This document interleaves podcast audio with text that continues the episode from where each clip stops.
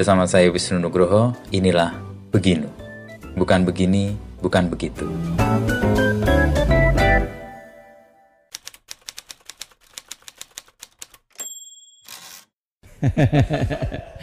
Halo saudara-saudara, saya Soleh Solihun.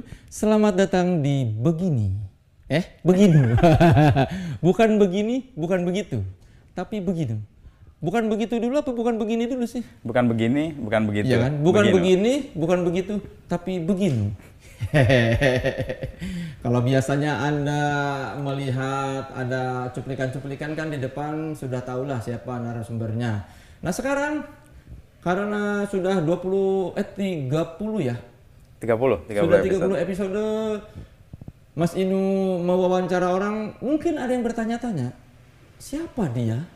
Ada yang belum kenal. Nah, sekarang saatnya kita mengenal lebih dekat kepada pembawa acara begini, Mas Inu. Wisnu Nugroho. Gimana Kang? Tangan dulu dong. Ini gue dijebak nih ya. Lu nggak tahu ya? Oh, oh, dikasih tahu semalam. Gak tahu, gak tahu. Gitu kan ya dibilang suruh datang ke tempat Soleh, terus kita mau recap dua season yang udah jalan. Hitungannya kan ini Kang Soleh itu memulai sesuatu yang kita nggak bayangin jadi kayak gini. Dan Iya. ternyata udah jalan 30 episode. Dulu 28 Oktober kita Persis, ya. pertama 28 berjumpa. Oktober 2020. di sini kan apa di, Di studio itu itu, ya, di ya. Beginu itu 28 Oktober 2020 dan sekarang tidak terasa sudah eh, belum satu tahun Belum, belum satu tahun. sudah 30 episode tadinya niatnya satu Satu sebulan sekali. Niat paling lemah. kenapa jadi seminggu sekali? Uh, waktu itu prosesnya memang nggak terencanakan ya. Bayangannya kan gue pengen ngobrol dengan orang-orang yang deket dengan gue karena gue pasti tumbuh dengan orang itu karena value. Terus gue gali value-nya apa untuk gue kasih ke teman-teman yang nonton atau orang yang uh, mau mendengarkan gitu ya. Dan kelama kok pas episode Kang Soleh itu ada yang nanyain next siapa nih nah kita bilang bulan depan itu kelamaan gitu padahal kita timnya nggak ada waktu itu gue pikir wah ini ada yang banyak nanya ini bahwa episode kalau di jeda sebulan tuh orang bisa sampai lupa. Akhirnya terus kemudian kita bikin tiga, tiga minggu tuh yang kedua. awalnya tiga minggu Hmm, Tiga minggu. Terus yang kedua itu waktu itu eh Soimah ya. iya iya Soimah, terus habis itu Jonan. Nah habis Jonan, Soimah, terus Kang Soleh itu jadi orang nungguin-nungguin gitu. Minggu depan apa lagi? Jadi kayak kepacu aja. Tadinya pengen sebulan agak slow gitu ya. Ya anak sekarang kan pengen kerja slow gitu. Tapi begitu seminggu ya bisa slow juga sih, tergantung kita manage waktunya. kepacu apa jadi beban Kepacu. Karena seneng. Intinya kan ngobrol. Kalau gue kadang-kadang gini, ngobrol sama orang tuh mungkin buang waktu ya. Tetapi buat gue tuh kadang-kadang kayak internalisasi pengalaman hidup. Jadi gue kayak mengkonfirmasi apa yang diomongin orang itu atau lo ngomong deh waktu itu ngobrol soal jurnalistik. Gue jadi, oh iya gue ngalami situasi kayak gitu juga ya.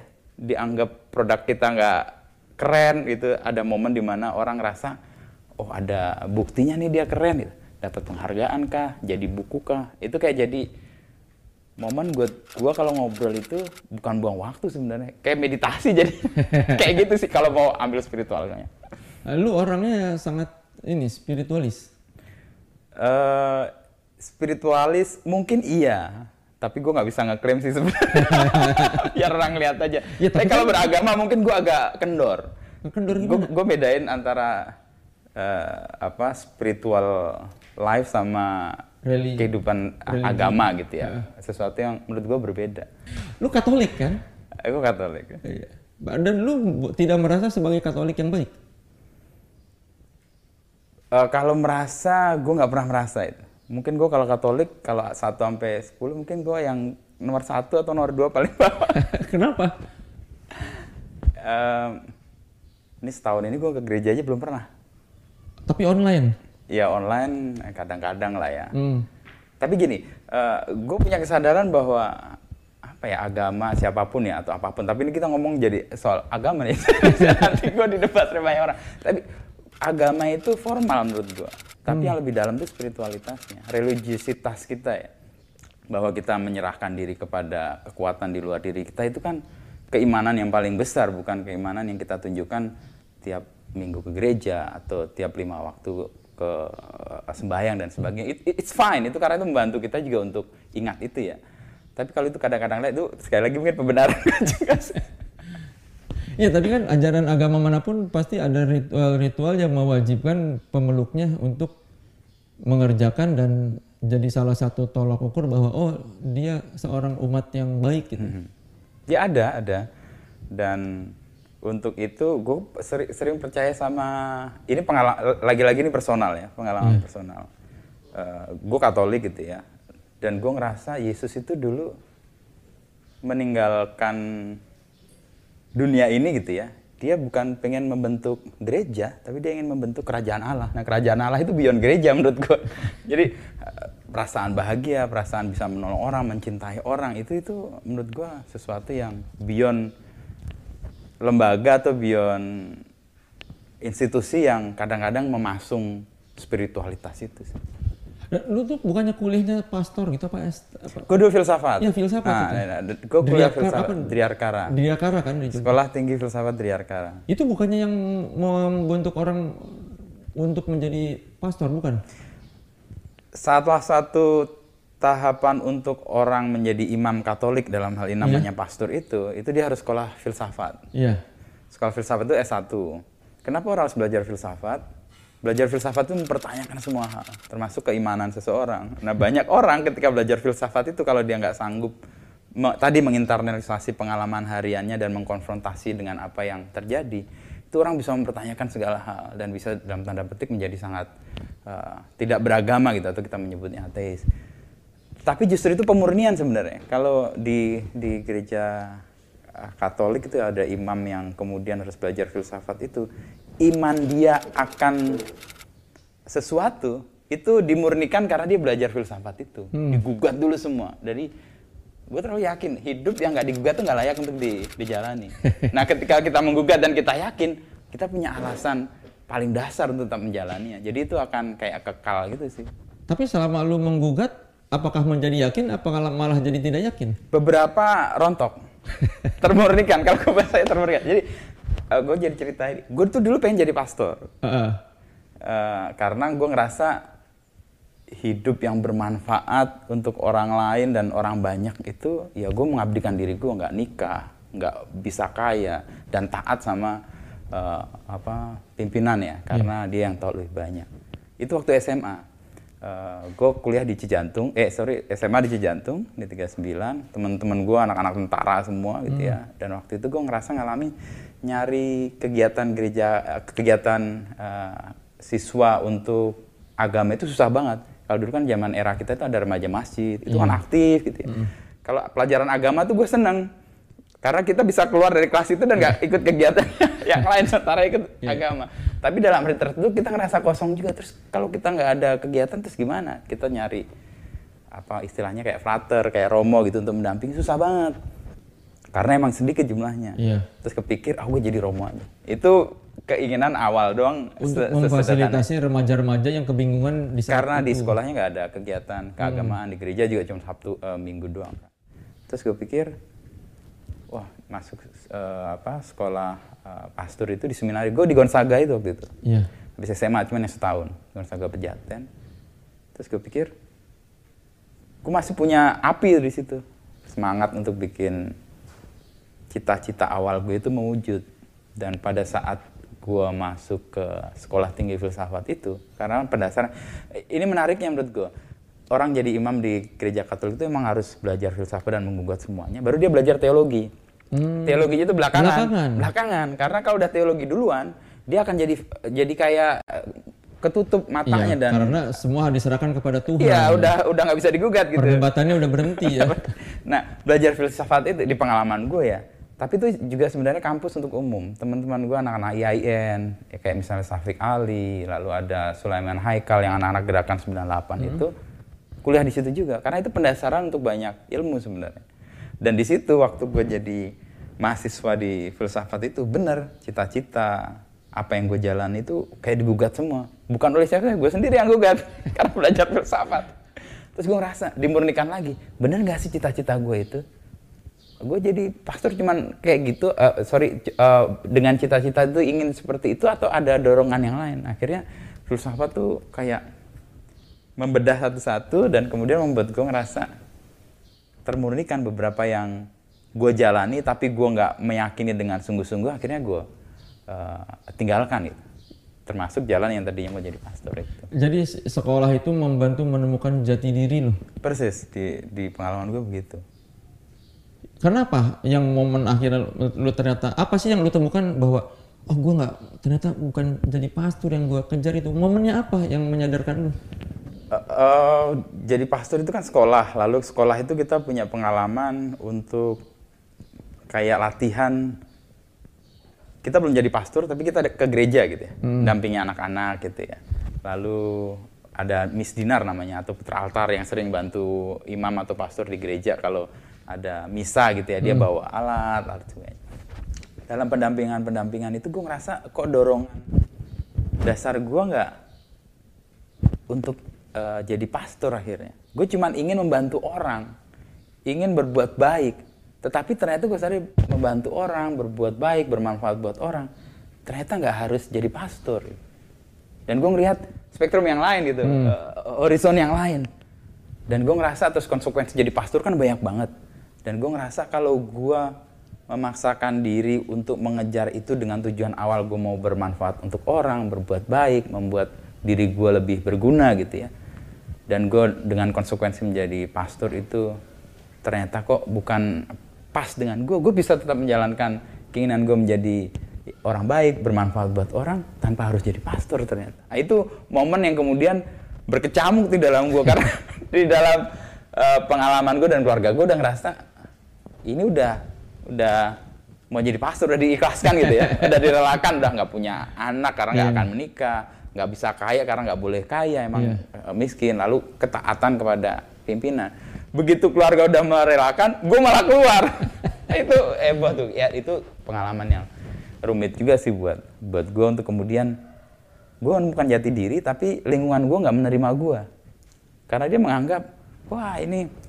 Ya kalau orang keluar dari seminari itu pikirannya kan macam-macam bang. Soal cewek lah kasus skandal lah pendidikan rohaninya nggak bagus lah pendidikan filsafatnya jelek lah sehingga dikeluarkan. Nah gue nggak itu semua. Dan untuk meyakinkan orang-orang atau komunitas padahal gue udah menemukan jati diri itu susah banget. Waktunya agak lama. Jadi lu sempat dicap buruk lah ya? Iya iya. Dan karena keputusan lu itu. karena keputusan. Karena umat udah ngerasa wah ini akan jadi pastor. Karena pastor kan kurang tapi itu eh, ya gue lalui dengan diam sih dengan hening jadi gue mau membuktikan kepada mereka yang melihat itu sebagai buruk akan menemukan bukti sebaliknya sehingga mereka menganggap sebaliknya juga Bahwa oh, lu memang dan, lebih- gue harus nggak ngomong Iya. Atau ada diri lu yang tidak siap meninggalkan kenikmatan duniawi. Eh, ya gue nggak tahu ya mungkin iya itu itu itu mungkin salah satu dorongan juga ya membuat ngerasa kalau gue paksakan gue takut jadi skandal juga sih. Skandal dalam arti skandal kan batu sandungan ya. Batu sandungan buat orang batu sandungan buat umat atau orang yang menganggap orang udah selesai dengan dunianya lalu kemudian menjadi imam. Itu gue ngerasa kalau gue jadi sandungan mending nggak deh daripada gue mengecewakan orang lain dan sen- gue sendiri kecewa pasti. Makanya itu proses. Dari satu angkatan berapa orang yang kemudian menjadi pastor akhirnya? wah itu persentasenya bisa satu banding 10 tuh. di angkatan gue itu ada 15 yang di Gonzaga itu ya yang jadi pastor itu cuma dua.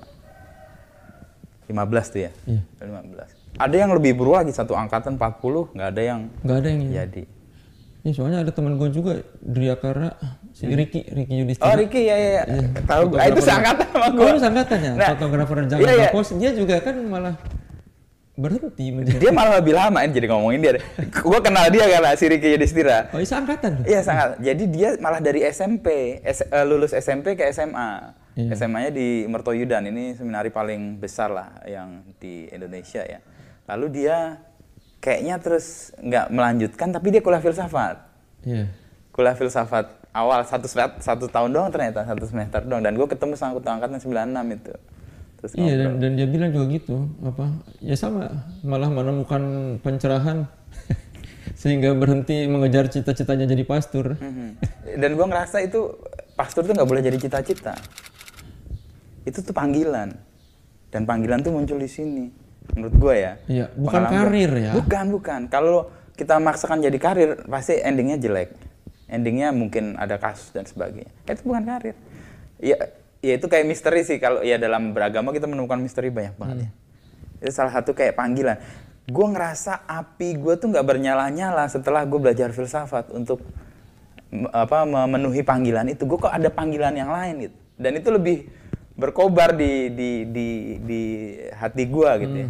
Makanya gue ngerasa nah prosesnya lama sih waktu itu. Gue harus bimbingan rohani gitu ya. Ada ada momen di mana gue harus ngobrol sama seorang lebih senior spiritualis gitu ya buat gue dan dia ngasih uh, beberapa cara untuk membedakan ini dorongan murni atau dorongan sesaat Oh, ini dorongan yang muncul dari diri lo atau karena faktor-faktor di luar. Kadang-kadang kan kita melakukan sesuatu kan either karena kita pengen melakukan atau orang-orang lain juga melakukan. Kayak sekarang di sepedaan. Ada orang yang "Eh, sepedaan, uh teman gue sepedaan semua kalau gue nggak sepedaan nanti gimana? Tapi ada yang orang dalam hatinya, ya gue sepedaan lo ada orang nggak ada orang. Nah itu sesuatu itu kayak panggilan kalau gue menyebutnya. jadi lu konsultasi sama itu Nah, spiritualis itu. gue ya. Butuh waktu berapa lama buat? Tiga bulan. Oh lama juga. pendampingan. Karena gue ngerasa nggak nggak bisa segera juga ambil keputusan. Bisa jadi gue salah gitu ya. Iya. Kalau udah salah gue udah jalannya nggak panjang tuh. Maka waktu untuk menyelesaikan atau membayar waktu yang hilang itu bisa bisa lebih panjang kalau gue salah mengambil pilihan. Berarti di Driakarna itu lulus atau tidak? Lulus gue Empat tahun. empat tahun. Di tahun keempat, tahun ketiga sebenarnya, tahun ketiga akhir tuh mulai goncang tuh gue. Oh itu Pas ketiga. barengan 98 itu. Oh. Oh. momen 98 itu buat gua salah satu yang memurnikan. A- Apa? Kenapa? Gue ketemu dengan realita yang membuat mata gue terbuka. Oke, banyak banyak cara untuk bisa memenuhi keinginan eh, ego gue waktu itu kan jadi orang baik, bermanfaat buat banyak orang. eh, sesuatu yang bisa syukur-syukur bisa mengubah sesuatu gitu. Itu kan cita-cita zaman-zaman muda gitu ya. gue sering aksi gitu loh. Aksi demo 98 itu. Dan aksi itu gue berkumpul dengan simpul-simpul mahasiswa. Gue ingat eh, tempat kumpul kita yang paling sering itu di Salemba, Salemba UI itu. Di situ kumpul kampus-kampus lain. STF di situ, lalu waktu itu LPK Tarakanita, lalu ada anak eh, UNJ dan sebagainya. Kadang-kadang di UNJ juga gabung. Nah kumpul di situ saat berdiskusi untuk merancang aksi misalnya atau membuat narasi atas apa yang mau kita sampaikan di jalan, gue kan berinteraksi dengan orang di luar asrama gue tuh. Iya. Kalau di asrama gue ya semua sama lah atau panggilannya atau cita-cita yang mau diwujudkan adalah jadi imam. Ya nggak ada dinamika pemikiran, nggak ada bayangan yang lain yang real. Ketemu dengan mahasiswa yang seangkatan, seumuran gitu, gue ngerasa oh dia punya cara yang lain ya untuk mewujudkan yang tadi gue bilang ingin bermanfaat buat orang lain gigih banget nih orang hidupnya nggak tertata tapi dia berjuang banget nih untuk untuk untuk gerakan itu. Ada teman gue yang yang kayak gitu tuh yang membuat gue ngerasa gue sebut aja namanya Safik nih Safik Ali. Itu kuliah di STF juga itu salah satu penggerak STF penggerak juga. dia anak IAIN terus kuliah di STF dia salah satu penggerak. Hidupnya kayak nggak peduli dengan hidupnya tapi dia kalau ngomong soal gerakan sosial menjadi simpul untuk mahasiswa ayo dong bergerak. Itu energinya nggak habis-habis. Ada momen lain waktu itu gue non eh, hadir untuk persidangan Budiman Sujatmiko yang ditangkap. Waktu itu Romo Sandiawan jadi saksi di Bekasi gue ingat. Gue ikut persidangan itu gue lihat pledoinya eh, Sandiawan. Itu Romo dulu. Eh, lalu kemudian dijelaskan di situ mata gue terbuka. Oh iya ya banyak kerja-kerja non imamat atau non kepastoran gitu yang juga luas juga manfaat dan kebaikan yang di- diberikan ya. Sandiawan kan dulu jagain eh, apa eh, eh, apa Ciliwung itu anak-anak Ciliwung dan kemudian model kayak Romo Mangun lah Iya. tapi di, di di Jakarta dan waktu itu dia dituduh atau didakwa menyembunyikan Budiman Sujatmiko waktu pelarian dikejar-kejar sama Orde Baru. Dan gue lihat persidangan itu tuh kayak nonton film dari awal sampai akhir gitu. Nah itu momen-momen ya beberapa yang membuat gue ngerasa ya tadi belajar filsafat terus menggugat semua yang gue yakini selama ini. dan ada, ada uh, yang menurut gue baik juga kalau gue dulu nggak belajar filsafat mungkin gue ya jalan dengan mata tertutup aja tapi karena belajar filsafat gue berani gugat dan berani mengambil konsekuensi meskipun berat sih Dan pa- pada intinya karena lu ketemu dengan orang-orang yang beraneka ragam itu ya di luar di STF. luar asrama atau di luar STF. Di STF juga ada beberapa beragam. ya.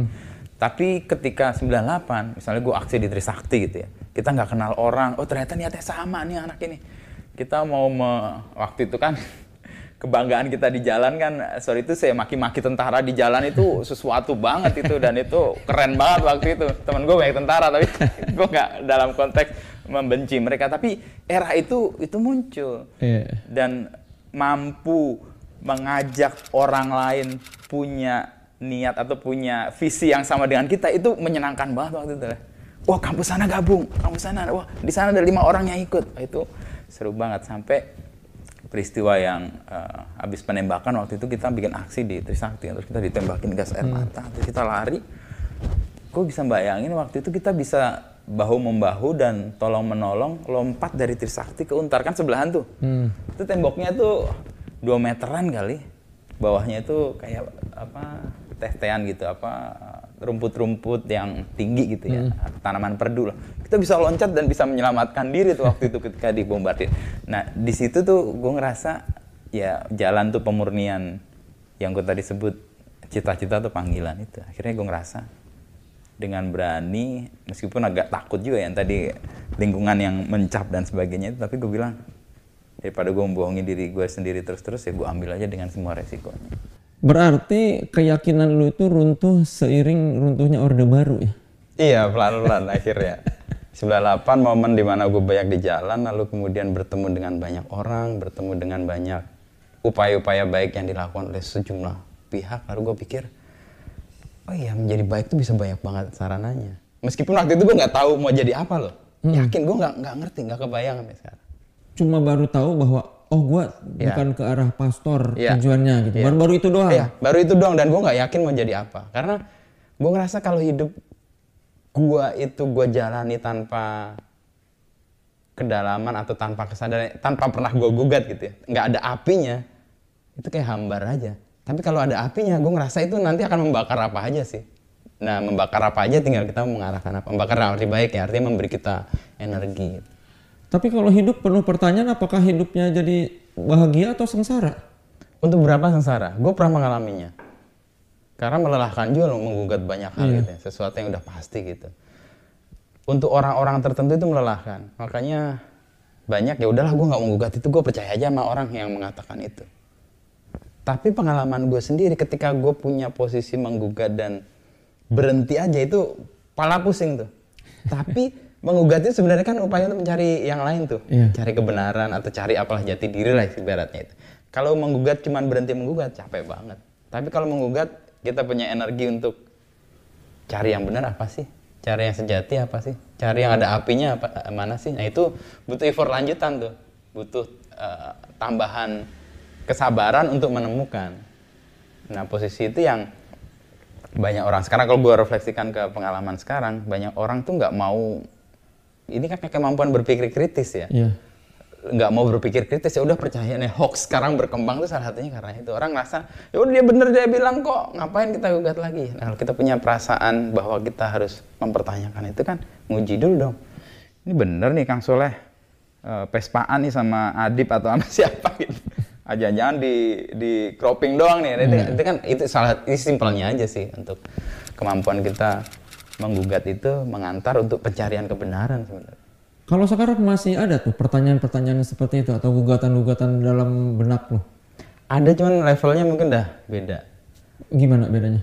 Kalau di awal umur 20-an itu kan lebih ke gue mau jadi apa nih. Hmm. Mau jadi apa itu kan sesuatu yang kayak kita bertaruh juga sih sebenarnya. Eh, api yang tadi membakar gue itu kayak jadi energi untuk mengarahkan gue.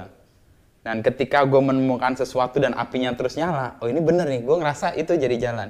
Waktu gue pertama keluar itu gue nggak tahu jadi apa. Bayangan gue pengen jadi dosen. Karena kuliah filsafat, oke, gue pengen jadi dosen, lalu gue menyiapkan untuk ngambil beasiswa di entah Jerman atau Italia.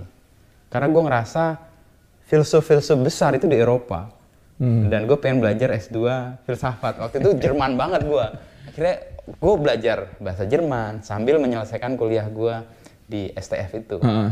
belajar bahasa Italia coba-coba nggak Jerman dikit ke Italia lah gitu nggak ada bayangan gue pokoknya cuman jadi dosen gitu. Tapi dalam perjalanan terus gue lihat ada teman gue nu lo mau kerja nggak? Apa jadi wartawan? Oh wartawan apa nih? Waktu itu bukan gue belum masuk kompas waktu itu. Namanya relax.com Oh iya, relax. tahun 2000 nah, waktu itu gue ketemu lembu di situ Iya, lembu klub 80 itu. Sama-sama tahun 2000 tuh digital lagi booming banget. Waktu itu gue ngerasa ah ini menarik nih. Gue senang nulis senang baca terus bikin tulisan dipublish dan di- jadi bacaan orang dan bermanfaat buat orang itu ketemu tuh di situ. Oh, tulisan gue di dibaca. Meskipun dulu ecek-ecek gue bikinnya tuh tafsir mimpi olah sama olahraga sama satu lagi tuh entertainment. Gue ngerasa senang dengan jurnalistik lalu kemudian menggarap itu tapi gue nggak suka dengan topiknya. Entertainment tuh melelahkan. Oh, di, di mana melelahkannya? Eh, banyak acara-acara yang larut malam. Oh, gue kan kantornya waktu itu di Tamrin tuh di BI Tower sebelahnya Hard Rock sebelahnya lagi Zanzibar jadi kalau kelar eh, kerja jam 5 atau jam 6 kita geser ke Hard Rock. Oh ada musisi dan sebagainya. Dulu kan Alek Mandi itu hampir tiap Iya. tiap itu rame tuh tiap minggu tuh. Habis itu kelar jam eh, 10 jam 11 bos gue ngajak ke Zanzibar gue ngerasa gue suka pekerjaannya tapi topiknya nggak suka A- atau mungkin lu nggak bisa membatasi gaya hidup lu, maksudnya tidak bisa. Justru karena gue membatasi lah, gue ngerasa nggak tune in di situ. Jadi ketika gue masuk di eh, hard rock gitu ya misalnya, gue kok nggak bisa ngobrol ya di situ ya. Gue ya liput acaranya iya waktu itu jadi wartawan baru. Terus ke Zanzibar dengan gaya semua orang kayak mabok nggak tahu mabok beneran atau enggak gue nggak ngerti lah. Atau pura-pura mabok untuk mendapatkan manfaat-manfaat yang lain, misalnya nggak bayar atau parkir nggak bayar macam-macam kan. Gue nggak nggak dapet itu. Tapi gue suka jurnalistiknya. Nah pada saat waktu itu berjalan, ada lowongan tuh di eh, koran gitu ya. Ada wartawan Kompas dicari.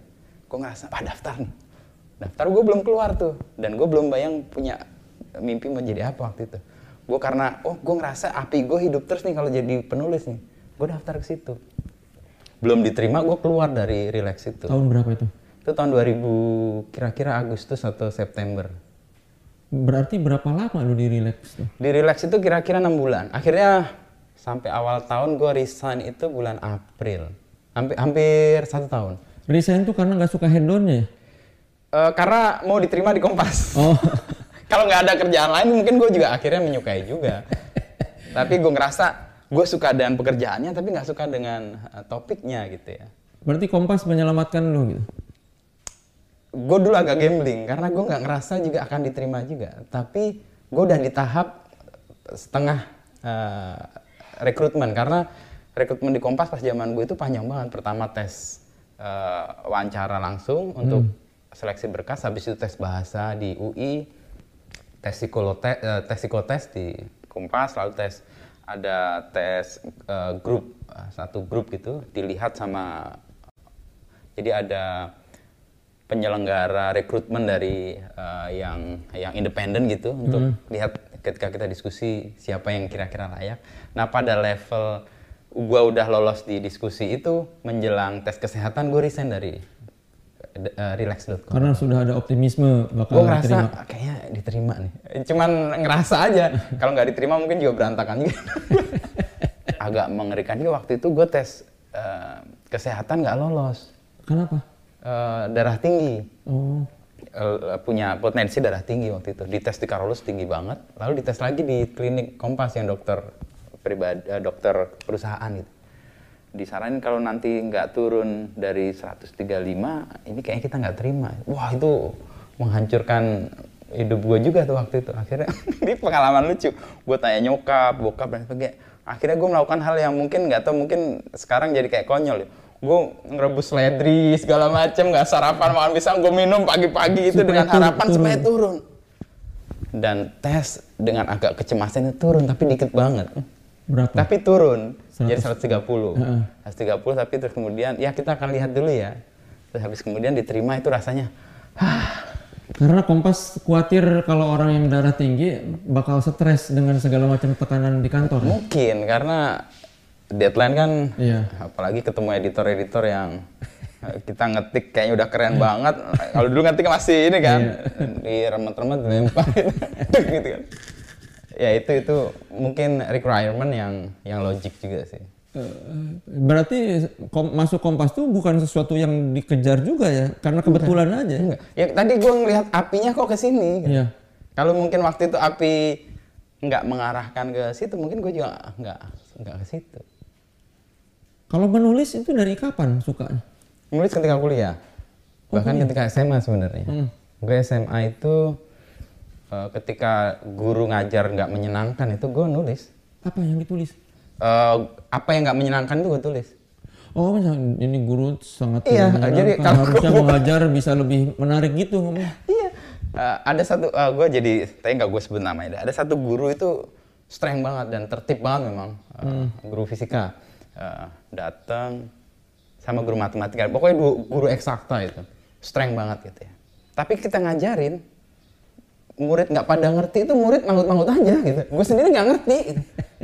Tapi dianggap udah ngerti gitu ya. Jadi terus kemudian kita nanya ke yang paling pinter tuh untuk jelasin lagi Oh, dengan bahasa yang lebih dengan dipahami. bahasa yang di- dipahami oleh anak-anak maksudnya gini maksudnya gini nah ketika guru jelasin dan gue nggak paham tuh biasanya gue tulis tuh dan biasanya detail tuh dia pakai baju apa jadi kayak Oh. observasi yang gue lihat waktu itu langsung jadi tulisan aja Jadi kemampuan menulis deskriptif tuh dilatih di situ di ya. SMA itu. Gue gue bersadar ini sebenarnya. Karena dulu buku catatan gue itu bukan catatan pelajaran.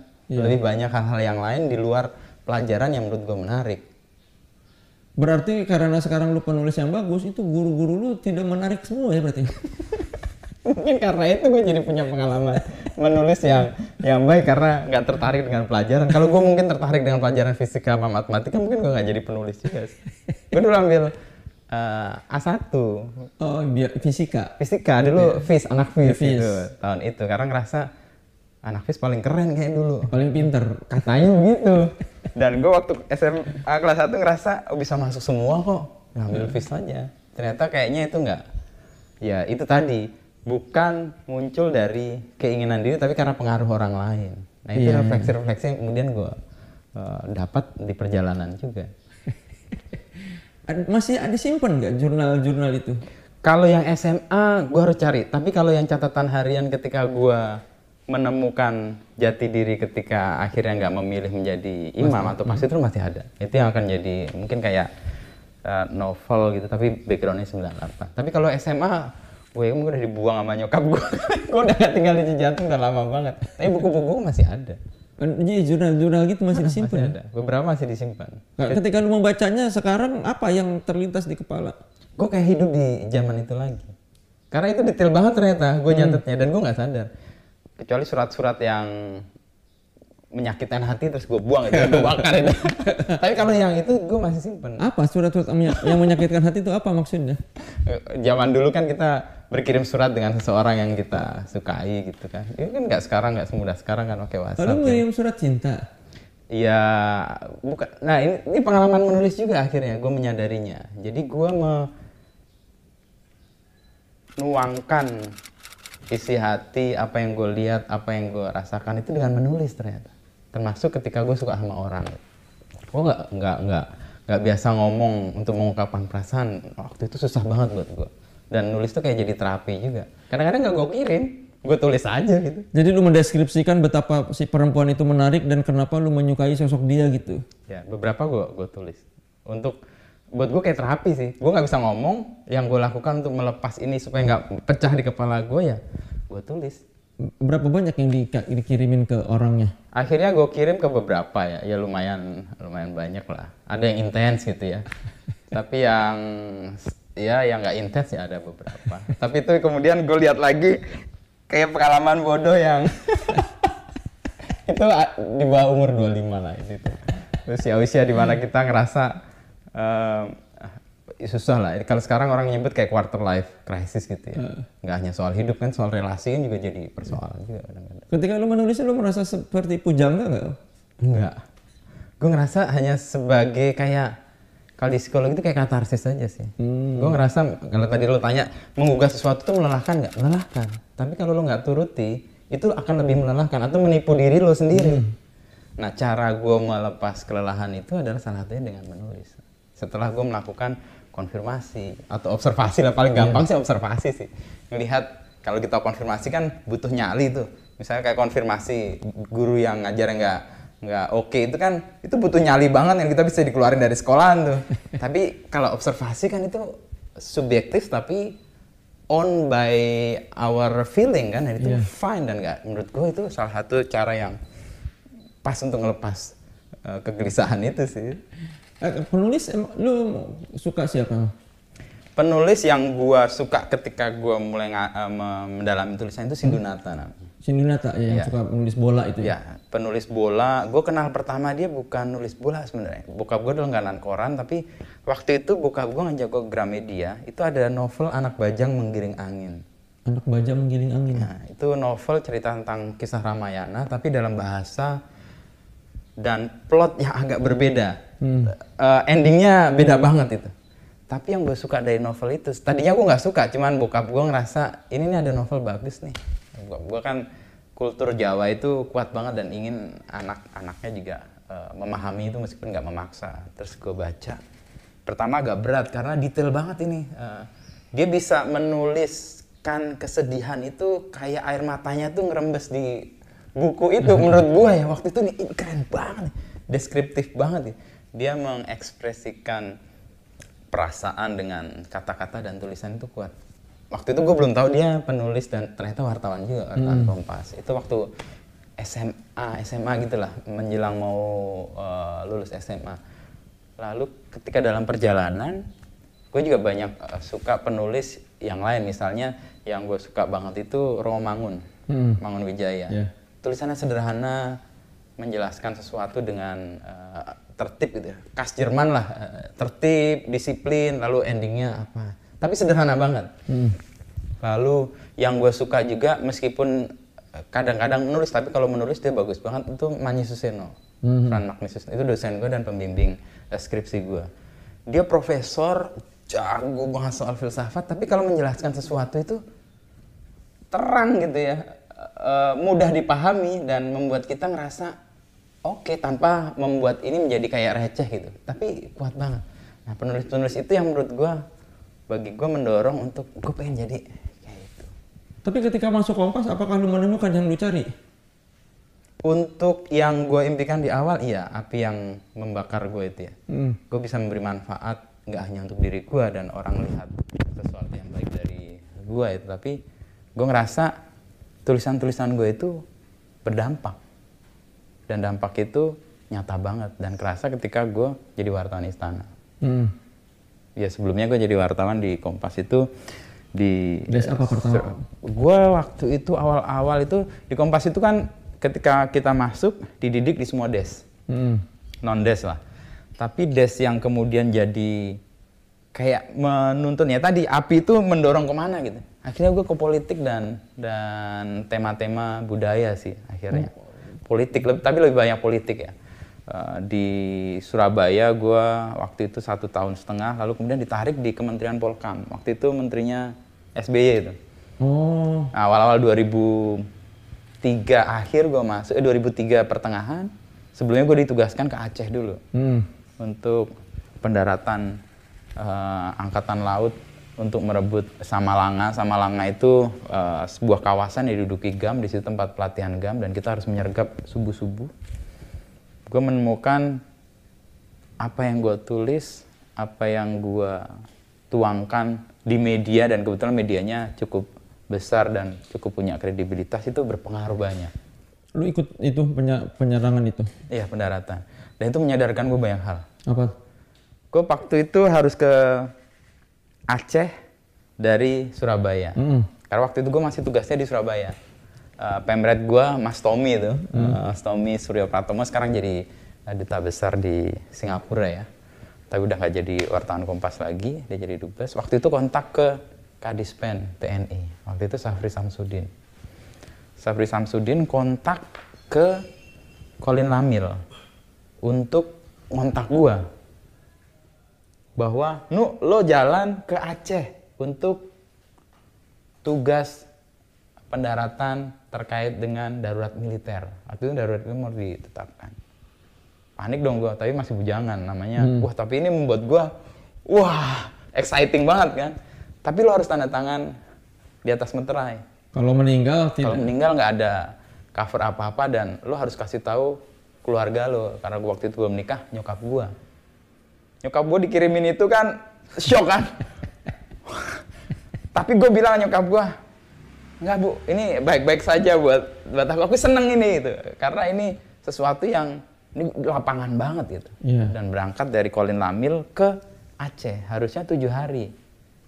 Tapi karena darurat militer nggak ditetapkan-tetapkan, ini kan nggak bisa mendarat nih. Iya. Kalau dia mendarat, menyalahi aturan internasional. Kita ketahan di Dumai dan sebagainya. Namanya kapal induk gitu ya, eh, KRI waktu itu. Dan lunasnya datar. Di kalau kapal tuh ada yang lunas eh, kayak lancip gitu, ada yang datar. Kalau datar itu bek bek bek gitu kerasa banget. Kalau lancip kan dia smooth kan. Iya, Nah, itu datar kenapa datar? Karena bawa tank, bawa alat tempur semuanya dan kita harus mendarat itu. Nah, perbekalan itu kan makin lama makin habis. Hmm. Eh, daging yang hari pertama sampai ketiga itu masih sejari-jari gitu ya. Hari ke-8 udah kayak silet gitu. Ada tahu siletnya? Tipis gitu, tipis. Sayur kangkung yang tadi seminggu masih hijau gitu ya. Udah warnanya udah coklat gitu. Tapi nggak mau harus kita makan karena nggak ada perbekalan yang lain.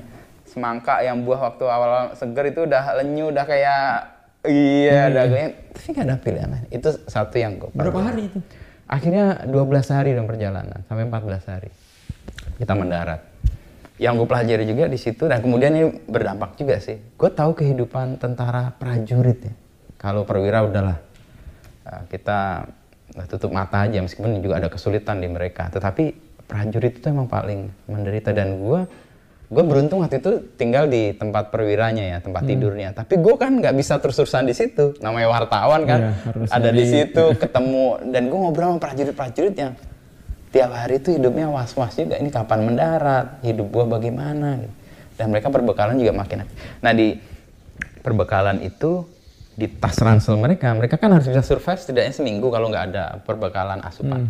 Di tas mereka itu ada T1, T2 dan T3 Apa itu? kotak makan yang kalau dibuka kalau kita sering naik gunung itu dibakar parafin Iya. itu jadi makanan yang satu pack itu bisa buat tiga kali makan tuh. Ada rendang ada tuna ada nasi goreng dan sebagainya ya karena perbekalan kurang akhirnya itu dimakan di di kapal itu. Bisa dibayangkan kalau mendarat lalu kemudian nggak ketemu eh, pasokan makanan eh, selesai tuh hidupnya kecuali kemampuan survivalnya tinggi. Akhirnya kami mendarat dan pendaratan itu dilakukan jam 2 dini hari.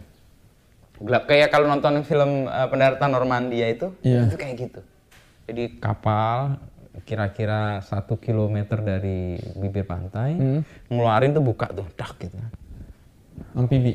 Uh, tank segala macam yang bisa jalan di air itu ya amfibi itu terus tentaranya prajuritnya pakai skoci skoci itu dalam gelap itu situasi karena itu bukit kan kalau kita ketahuan dan kita ditembak dari atas Iya. itu selesai tuh. Nah, gue bareng sama letkol yang jadi komandannya satu perahu itu, ya, perahu kecil, Perahu karet itu. perahu karet. Yang gue naiknya perahu karet, yang lain tuh kayak skoci-skoci yang ada yang kegulung akhirnya ada dua meninggal waktu itu. Eh, naik itu dan kemudian pas saat pendaratan itu, ah ini nih, ini pengalaman momen buat gue menegangkan sekaligus pentingnya persiapan dan segala hal ya. Waktu mau pendaratan ada perwira komunikasi. Perwira komunikasi ini nempel di kepala satuan tugasnya itu, komandannya itu. Dia mengkomunikasi ke darat bagaimana kondisi di darat. Apakah kita siap masuk atau enggak? Itu jam 2 dini hari lo bisa bayangin lah, itu gelap kayak apa gitu. Ketika mendarat, alkomnya itu nggak berfungsi. Hmm. Padahal komandan udah paling depan tuh untuk bikin formasi pendaratan di Samalama itu. Nggak bisa kontak sana. Dan sana kan gelap, kita nggak tahu di sana gam atau apa. apa yang dilakukan kolonelnya itu letkolnya, ambil helm bajanya itu, perwiranya di bang. Jatuh karena dia membuat 200-an lebih, tadi gue merinding nih, 200-an lebih prajurit itu dalam Bahaya. bahaya. Alkomnya nggak bisa dikomunikasi, nggak bisa ngomong ke sana. Itu PR banget waktu itu. Rusak atau apa? nggak ngerti ceritanya akhirnya katanya sih sebelum terus gua nggak ketemu lagi kan nama itu Eh, sebelumnya dicoba-coba sih udah oke akhirnya itu tapi dengan nah ini keberanian kepemimpinan si eh, komandannya itu dia mengambil s- apa ngambil keputusan kita jalan saya depan. Eh, komandan itu depan. Gua di depan juga nih deg-degan juga kan? Nggak ngerti tengah malam. Mendarat kabar baiknya adalah nggak ada serangan waktu itu. Karena sebelum pendaratan itu dikirim dua regu untuk kayak apa sih tim aju gitu ya, yang di depan untuk memastikan eh, apa bibir pantai itu udah dikuasai. Marinir-marinir yang ya kayak intel-intel gitu. Kita nggak lihat potongannya kayak marinir. Ada yang gondrong banget ada yang badannya ceking ada yang eh, nggak potongan dia tentara gitu tapi dia udah menyelamatkan dan mungkin pegangan itu yang membuat komandannya itu memutuskan itu nah dari situ pulang dari itu gue bikin tulisan tentang itu tentang pengalaman gue perjalanan ini masih ada di Kompas judulnya? Eh, gue cerita soal pendaratan di Samalanga itu. Gue cerita tentang bagaimana sisi manusia dari prajurit-prajurit itu. Sisi manusia itu kan ada ketakutan, ada kecemasan, ada kekhawatiran mati itu kan ya kita nggak tahu kapan ya. Tapi kalau kita ngeliat itu kayak deket banget kan kita juga Iya. ada perasaan yang nggak nggak tenang gitu. Perbekalan bagaimana. Akhirnya gue tulis itu buat gue menyenangkan karena gue menyuarakan suara-suara prajurit itu dan untuk beberapa hal kemudian ada ada uh, perbaikan gitu ya ada diperhatikan lah bahwa keputusan politik itu memang harus dibuat disesuaikan dengan tindak uh, ber, uh, apa berkonsekuensi pada tindakan-tindakan yang lain misalnya waktu itu kan darurat militer ditunda-tunda tuh Mm-mm. Nah, ketika ditunda kan urusannya bukan soal waktu bahwa ya tiga hari doang gitu. Tiga hari doang buat orang yang sedang dalam perjalanan itu sesuatu banget. Dan itu membuat persiapan kurang, ketangguhan untuk misalnya bertempur kurang. Tapi kemudian kita mendarat hanya dua orang yang kemudian karena emang ombaknya pagi itu tinggi terus tergulung, terus ada dua meninggal dalam rombongan besar. Itu itu salah satu yang gue ngerasa oh menulis menjadi wartawan kemudian menjadi sarana buat gue tadi bisa jadi manfaat untuk orang lain punya pengaruh dan didengar oleh pengambil kebijakan dan itu kerasa ketika di istana ya. kemudian ya Dan itu berarti lu kayak jadi wartawan perang ya, se- dua- 12 hari itu ya. Iya di momen itu ya Kadang ikut tentara ikut kan. tentara karena gue topiknya waktu itu politik hukum dan keamanan di beat gue atau bidang gue dan itu konsekuensi. Ya banyak yang nggak mau berangkat gitu. Tapi gue ngerasa waktu itu ini kesempatan sekali. Mungkin seumur hidup gue dan bener itu cuma sekali doang gue punya pengalaman itu. Yang wartawan Kompas yang lain ada yang sudah dihubungi atau lu yang pertama terus langsung mau? ada yang udah di Aceh. Hmm. Jadi Kompas itu kan punya banyak wartawan dan ingin mengcover semua tempat. Ada yang udah di lokasi, ada dua senior gue yang udah di Samalanga juga. Waktu mendarat gue ketemu mereka juga. Tapi yang untuk berangkat dan ingin menjelaskan bagaimana proses pendaratan itu dan waktu itu belum ada yang mengcover tuh. Waktu itu Kompas sama SCTV gue ingat. Karena SCTV dulu base-nya di Surabaya kan. Iya. Ada dua, satu reporter, satu kameramen. Tapi waktu itu kami terpisah karena memang tujuan dan materi yang digarap untuk eh, produk atau kontennya kan beda kan. Akhirnya gue lebih banyak membaur ke prajurit gitu ya. Dan cerita itu gue dapat. Dan pengalaman itu ya dalam perjalanannya membentuk gue juga sih. Punya empati punya perasaan bahwa ya mungkin yang kelihatan fine tapi kita nggak pernah tahu bahwa orang tuh punya persoalan dan dia berjuang betul dengan persoalan itu Dan lu tuh kenal SBY dari zaman dia jadi menteri ternyata ya. Iya, eh, dua, habis dari Aceh itu. Dari Aceh gue di, nah ini namanya juga gue nggak merencanakan nggak menyiapkan, tiba-tiba gue ditelepon sama Redpel waktu itu redaktur pelaksana. Kalau di media itu kan ada pemimpin redaksi nih, ya kayak gue misalnya. Tapi sebenarnya operator itu redaktur pelaksana. Dia telepon, membagi tugas dan sebagainya. Redpel gue waktu itu kontak, Nu, gue itu habis dari Aceh terus balik lagi ke Surabaya kan. Lu ke Jakarta ya? Oh ngapain mas? Udah ke Jakarta. Hmm. Oh, Jakarta ya posisi gue ngerasa oh pasti gue dipindahin tugas nih akhirnya gue ke Jakarta dan benar gue waktu itu di Polkam dan di Polkam gue punya pengalaman di Surabaya punya pengalaman di Aceh lalu waktu itu menjadi wartawan di Kementerian Politik eh, dan Keamanan waktu itu Polkam belum Polhukam Eh, menterinya SBY waktu itu dan salah satu menteri yang sangat-sangat apa ya disukai lah waktu itu. Dan itu jadi kayak setiap SBY ngomong tuh kalau kita ngomong nilai berita kan ada prominensi ya, eh, ketokohan orang. Nah itu salah satu eh, tokoh yang kutipel, kutipable lah kalau ada nama itu eh, redaktur gua atau editor gua pasti ah itu jadi headline, nah, itu jadi berita. Jadi menyenangkan juga, effortnya kecil tapi eh, nama kita terus eh, muncul terus di koran gitu. Iya. Nah, itu waktu itu di SBY gua pertama-tama di situ 2003. Seperti apa SBY waktu lu, lu pertama kenal tuh? Orang yang hati-hati, orang yang tertata, orang yang sangat perfeksionis untuk banyak hal. Dan it's fine, itu sesuatu yang mungkin juga eh, yang membuat dia juga tampil seperti itu ya sosoknya dan punya kehati-hatian malah kecenderungannya dianggap sebagai yang lambat gitu ya. Tapi itu mungkin bagian dari untuk berhati-hati dan perfeksionisnya itu kerasa banget. Itu Waktu jadi, jadi wartawan istana itu ditugasin apa gimana? Gua Hmm. di Kompas tuh nggak ada tradisi eh, wartawan istana muda. Wartawan istana tuh biasanya senior. Waktu itu gue muda banget ya, hitungannya ya nggak muda sebenarnya 27 tahun tuh muda ya. Waktu itu jadi wartawan ya. Sekarang kita ngomong muda itu. Kita udah beda. kalau zaman kita dulu segi 27 mungkin ngerasa tua. Kalau sekarang umur kita segini ngelihat 27 masih muda. Iya benar. Jadi 2007 itu gua tadinya kan di Polkam. Hmm. Di istana itu biasanya wartawan-wartawan senior. Dan gue tahu semua wartawan Kompas yang di istana itu udah senior semua. Yang misalnya yang sangat gue kenal dan kemudian jadi kepala biro istana di Kompas tuh Mas Osdar itu, itu senior banget dari zaman Soeharto awal-awal tuh tahun 80-an sampai zaman SBY bahkan sampai zaman Jokowi awal-awal dia masih jadi wartawan di istana. Gak ada tradisi wartawan muda, tapi waktu itu karena yang jadi presiden itu adalah SBY dan gue secara personal deket dan secara apa ya gagasan gue ngerti kurang lebih lah lebih ngerti dibanding wartawan lain terhadap sosok ini. Sehingga gue kemudian ditugaskan oleh is- oleh eh, redaktur gue lu lo jadi wartawan istana ya? Kaget juga waktu itu. Wah wartawan istana sesuatu yang kayak gue masuk ke dunia yang nggak gue banget waktu itu. Hmm. kayak kalau gue masuk entertainment gitu ya. Iya.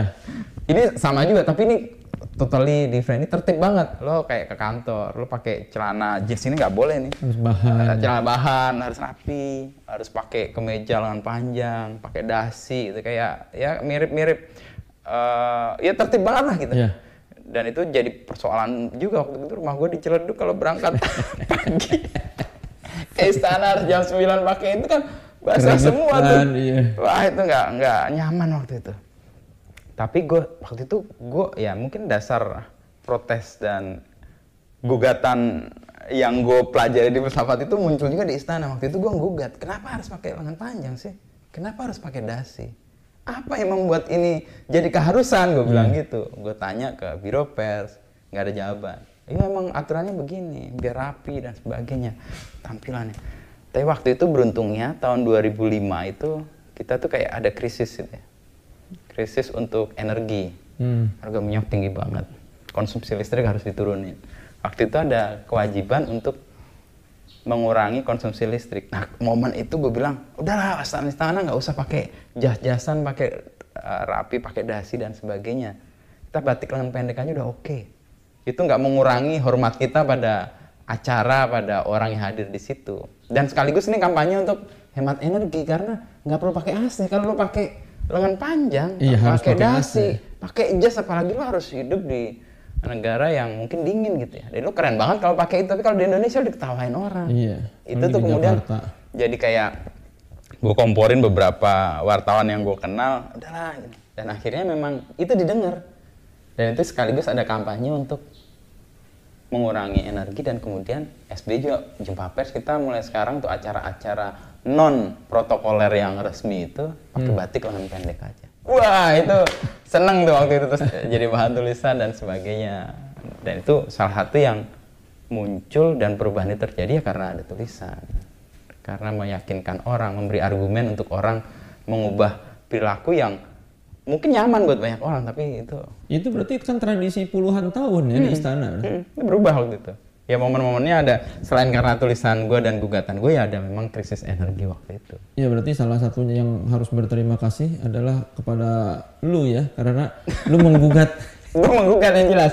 Gue pertanyakan ke biro pers gue pertanyakan karena nggak enak banget liputan eh, di istana ini dari Ciledug pagi Iya. gitu ini udah lepek gitu nggak enak nggak hanya buat gue buat orang yang dekat gue juga kan nggak nyaman juga ngeliat baunya agak nggak enak. Padahal kan nggak semua wartawan istana bisa bawa mobil sendiri. Gue waktu itu masih naik Vespa. Atau mungkin karena yang menggugat lu dan istana tahu oh ini akrab nih sama presidennya. Jadi didengerin. Eh, gue nggak tahu. Itu gue nggak melakukan konfirmasi. Tapi setidaknya di beberapa tulisan gue itu membawa perubahan. Ada yang contoh yang paling eh, epic ya buat gue itu waktu eh, Profesor eh, Muhammad Yunus datang ke Indonesia Muhammad Yunus itu peraih Nobel eh, perdamaian dia dari Bangladesh itu dari Grameen Bank dia bikin inisiatif untuk memberikan bantuan dan pinjaman hanya kepada perempuan. Kenapa perempuan? Perempuan itu keinginan untuk mengembalikan dana yang dipinjam itu jauh lebih tinggi dari laki-laki. Dan perempuan itu lebih fokus untuk menggunakan anggaran dibanding laki-laki kalau dapat itu. Nah waktu itu Grameen Bank itu atau Muhammad Yunus itu datang ke istana. Diundang namanya presidential lecture. SBY untuk acara-acara itu bikin keren-keren lah. Ada presidential lecturer, dia ngundang eh, salah satunya Muhammad Yunus itu. Ketika datang, ngomongin soal kemiskinan. Temanya gue udah tahu nih, temanya kemiskinan. Ajaibnya adalah waktu ngomongin kemiskinan itu dibuat di Istana Negara. Istana Negara bedanya sama Istana Merdeka itu Istana Merdeka yang di arah Monas. Kalau Istana Negara itu yang ke arah Pasar Baru. Hmm. Nah, Juanda ya, Juanda ya. Di Istana Negara. Dan gue lihat kan kalau di undangan kan ada eh, apa pakaian apa gitu. Eh, pakaian eh, sipil lengkap berarti pakai jas dan pakai dasi. Gue dari awalnya udah udah pengen gugat nih. Ini acara ngomongin soal kemiskinan di istana pakaiannya jas-jasan dan lengkap gitu. Gue datang ke istana biasanya kalau ada acara itu 30 menit sebelum acara kita udah harus sudah datang. Gue agak telat karena yang rasa ah gue aja udah nggak nggak respect Iya. dengan acaranya gitu. Jadi gue datang telat-telat sedikit. Tapi sebelum acara sih gue datang. Tapi justru karena telat, gue tahu menteri-menteri pada datang dong. Hmm. Yang wartawannya udah pada di istana nih. Nah ketika datang gue lihat menteri udah masuk, si sopir kendaraan sedan RI berapa RI berapa itu tetap di dalam itu dan AC-nya dinyalain di dalam mobil Hmm. selama itu gue pernah gue terus eh, penasaran kan sama tanya sama tukang parkir yang ada di sebelah itu. kok kalau pada parkir dinyalain sih ya nanti kalau menterinya datang mobilnya udah dingin jadi menterinya nggak protes. Itu satu gue bawa. Oke logik sih. Dia Iya, kan nggak iya. mungkin dimarah-marahin menteri kan siapa siapa? Tapi panas ya tetep aja nggak bisa siap juga kan. Iya. terus gue masuk ke dalam. Dan gue ngeliat wah presiden menteri semua pejabat negara ngomongin kemiskinan pakai jas tangan panjang pakai dasi. Uh keren banget. Ngomongin kemiskinan kayak lagi. Iya. nggak lama kemudian datang Yusuf Kala. Hmm. Beda beda sendiri dia pakai lengan panjang doang nggak pakai dasi dan bajunya dikeluarin Hmm. Wah ini nih, ini jadi bahan tulisan nih buat gue nih, Ini kontrasnya itu satu. Ajaibnya lagi ketika Muhammad Yunus datang, dia berpakaian seperti layaknya orang hidup di dunia tropis. Celana kendor, pakai kemeja longgar, Iya. terus pakai rompi doang, dan bahan katun dan slow banget ya. Iya, nyaman ya. nyaman banget. Dan di, di iklim itu oke dan dia ngomong soal kemiskinan. Fine mah dan dia ngomong keren banget. Gue wah terpesona sama orang itu ya. Melihat bagaimana dia menjelaskan soal kemiskinan dan dia menjalankan itu. Nah ini juga buat gue jadi kesadaran baru. Lo boleh ngomong apa pun tapi kalau perilaku lo nggak sesuai dengan omongan lo omongan lo tuh orang anggap nggak ada artinya makanya tadi kalau gue kuliah juga eh, itu juga nah ketika itu gue bikin tulisan Apa judulnya? gue lupa judulnya tapi intinya adalah ngomongin kemiskinan di istana dengan jas. Uh, uh, ya. ini deskriptif banget sih. Gue nggak menjudge apa pun. Gue cuma, cerita deskriptif. aja kejadian yang Menteri, Presiden, Yusuf Kala, lalu sama si Muhammad Yunus itu. Deskriptif banget, nggak ada judgement apa pun. Dia berita eh, jadi feature itu. Iya. Tulisan ringan di halaman politik. Muncul pagi-pagi. Waktu itu Duta Besar Indonesia untuk Rusia itu Hamid Awaludin. Tadinya menteri terus dia jadi duta besar. Kontak gua. Nu tulisan lo keren. Wah, kaget gua. Jadi gua nggak tahu yang mana Pak Hamid? Itu yang jas. Oke. Gitu. ya gue nggak merespon apa pun. Terus nggak lama kemudian dia bilang ah, Pak Yusuf kalah seneng tuh tulisan itu gitu. Karena dia menjadi sangat kontras dengan yang Iya. lain terus nggak lama kemudian tulisan itu muncul dan kayak jadi koreksi sih buat banyak acara ya. Kalau eh, ya mungkin ya mereka udah rutin ya terbiasa ya acaranya PSL gitu kan gampang aja kan. Nggak lihat konteksnya. Lu ngomongin apa sih? Dan siapa yang tamu yang hadir gitu. Pas nggak lo melakukan itu dengan penampilan seperti itu itu terus mengubah. Dan yang kemudian gue ngerasa itu kok berdampak banget ketika Yusuf Kala uh, udah nggak jadi wakil presiden di periodenya pertama selesai kan terus dia jadi wakil presiden di Jokowi. Dan gue kok menjadi merasa tulisan itu berdampak banget adalah ketika Yusuf Kala datang ke Kompas dia bilang aku mau tulisan yang soal jas itu dong sebagai kenang-kenangan dari Kompas ke saya. Di print itu Hmm. kita serahkan ke Yusuf Kala karena dia ngerasa ya seperti ini pemimpin itu ya harus mengatakan sesuatu sesuai dengan yang dilakukan. Jangan lu ngomong kemiskinan tapi di gedung magung-magung dengan jauh realita dengan, dengan kemiskinan. Nah itu yang bagi gue jadi pengalaman. Menulis dan posisi bahwa gue menjadi kayak mata dan hati publik dengan apa yang gue lihat ya bahwa perubahan ya mungkin nggak nggak besar tapi ya setidaknya dari beberapa bukti yang datang ke gue tanpa gue minta itu mengkonfirmasi bahwa ada dampaknya Berarti lu tuh di istana berapa tahun? di istana sebagai wartawan di lapangan itu lima tahun. Lima 2004 kalau dihitung dari SBY-nya itu 2003 sebenarnya. Iya. tapi kemudian transisi dia di istana gue nggak langsung karena di istana itu menjadi wartawan kan harus diajukan disetujui oleh biro pers oleh istana. Nah itu butuh proses kira-kira empat bulan baru gue kira-kira awal tahun 2005 baru masuk istana. Dan gue selesai di 2009 ketika periode kedua jalan. Hmm. jadi dia terpilih menjadi presiden periode kedua 2009 gue full ikut kampanyenya. Dan kemudian oleh kantor mungkin juga karena tulisan-tulisan gue ada orang istana yang nggak suka lalu kemudian eh ganti dong wartawan istananya udah lima tahun gitu ya. Oh, ya waktu itu gue denger itu sih meskipun ini gue juga nggak konfirmasi karena gue juga penting juga pengen tahu itu apa sih gitu ya udahlah selentingan orang. Tapi terus kemudian 2009 gue nu lo ke Jogja ya jadi kepala biro Kompas di Jogja buh gue kalau ke Jogja nggak usah disuruh ya gue jalan aja disuruh hari Jumat gue hari Senin udah jalan itu Ah. senang banget buat gue gitu ya akhirnya gue jalan itu eh, lu menikah umur? Eh, ta- tahun? tahun 2005 Oh, pas- awal pas, gue Masuk istana. masuk istana itu ya. Berarti emang tulisan yang paling pedes Hmm. yang pernah lu bikin di selama jadi wartawan istana apa? Pernah dapat ini enggak? Eh, waktu itu oh, enggak, gue nggak dapat konfirmasinya. Tapi gue itu kan rutin bikin sesuatu yang nggak pernah dilakukan wartawan-wartawan istana. Gue itu menulis sesuatu yang nggak penting, agar yang penting itu tetap penting. Hmm. Jadi hal-hal yang remeh-temeh gitu ya. Kayak tadi jas, Iya. siapa sih yang peduli gitu. ya. Tapi ketika itu diungkap dan dikasih konteks dan digugat, itu meaningful banget. Ketika wartawan lain sibuk fokus dengan materi soal kemiskinannya, lupa. Sisi-sisi yang lain. Yang kedua misalnya waktu itu, nah ini unik nih. Ini juga remeh-temeh sebenarnya. Waktu itu 2005 gue ingat itu ada 2008 sorry krisis eh, yang berdampak agak sistemik waktu itu terus ada Bank Senturi. Eh, Presiden itu mengkampanyekan mencintai produk-produk dalam negeri. Wow jadi berita oke dong Presiden waktu itu. Tapi pada saat bersamaan gue lihat itu ada satu menteri itu megang tas dan ditutup tasnya ketika presiden ngomong hari ini kita akan mengkampanyekan produk-produk dalam negeri. Gue nggak tahu tas apa waktu itu gue juga sebagai wartawan yang belum punya kemampuan beli lumayan gitu nggak ngerti ya tas ya tas apa sih gitu ya. Itu tasnya ditutup syal, menteri itu perempuan. Hmm. Tapi mata gue kan ngeliat tuh ada sesuatu yang menarik tuh. Kenapa? Kenapa ditutup? ditutup? Penasaran justru gue samperin. Ketika gue samperin setelah rapat selesai, tas itu nggak dibawa ibu menteri itu, dibawa sama ajudan, tapi masih dalam tertutup syal. Gue nggak tahu kan. Nah itu rapat di lantai tiga di ista- eh, di sekretariat negara gue ingat. Menteri naik lift, kalau ajudan yang bodoh dan tegap keker itu dia harus turun tangga.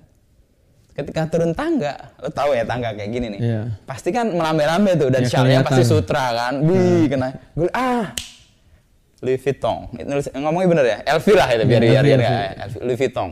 Gue ngerasa mungkin ini yang membuat dia malu gitu. Karena dia terasa tidak Me- mewujudkan Iya. apa yang dikampanyekan presiden. Itu satu itu gue bikin tulisan tuh waktu itu. Gue tulisan kampanye tapi yang dipakai para menteri eh, beberapa yang gue lihat waktu itu itu nggak langsung jadi tulisan karena gue terus gue observasi. Ibu menteri itu ternyata ganti-ganti tas. Oh, langsung lu riset. Ini. riset ah, foto-foto sebelumnya. Nah gue tuh waktu jadi wartawan bawa foto kan sering gue foto gitu. Wah ada tas. Tapi antiknya menteri itu koleksi semua tas bermerek warnanya putih. Ada merek yang LV tadi ada Ya. merek terkenal lain merek. Akhirnya gue tahu tuh eh, apa katalog eh, tas-tas mahal gitu ya yang yang yang KW juga sebenarnya banyak banget tapi kan nggak mungkin pakai KW kan Iya. menteri itu. Terus gue jadi tahu dari pengalaman melihat itu terus mengantar. Nah ini tadi kegelisahan. Kalau kita berhenti di kegelisahan capek. Tapi kalau mengantar untuk pencarian kebenaran atau observasi fakta lain yang kita dapat itu menyenangkan.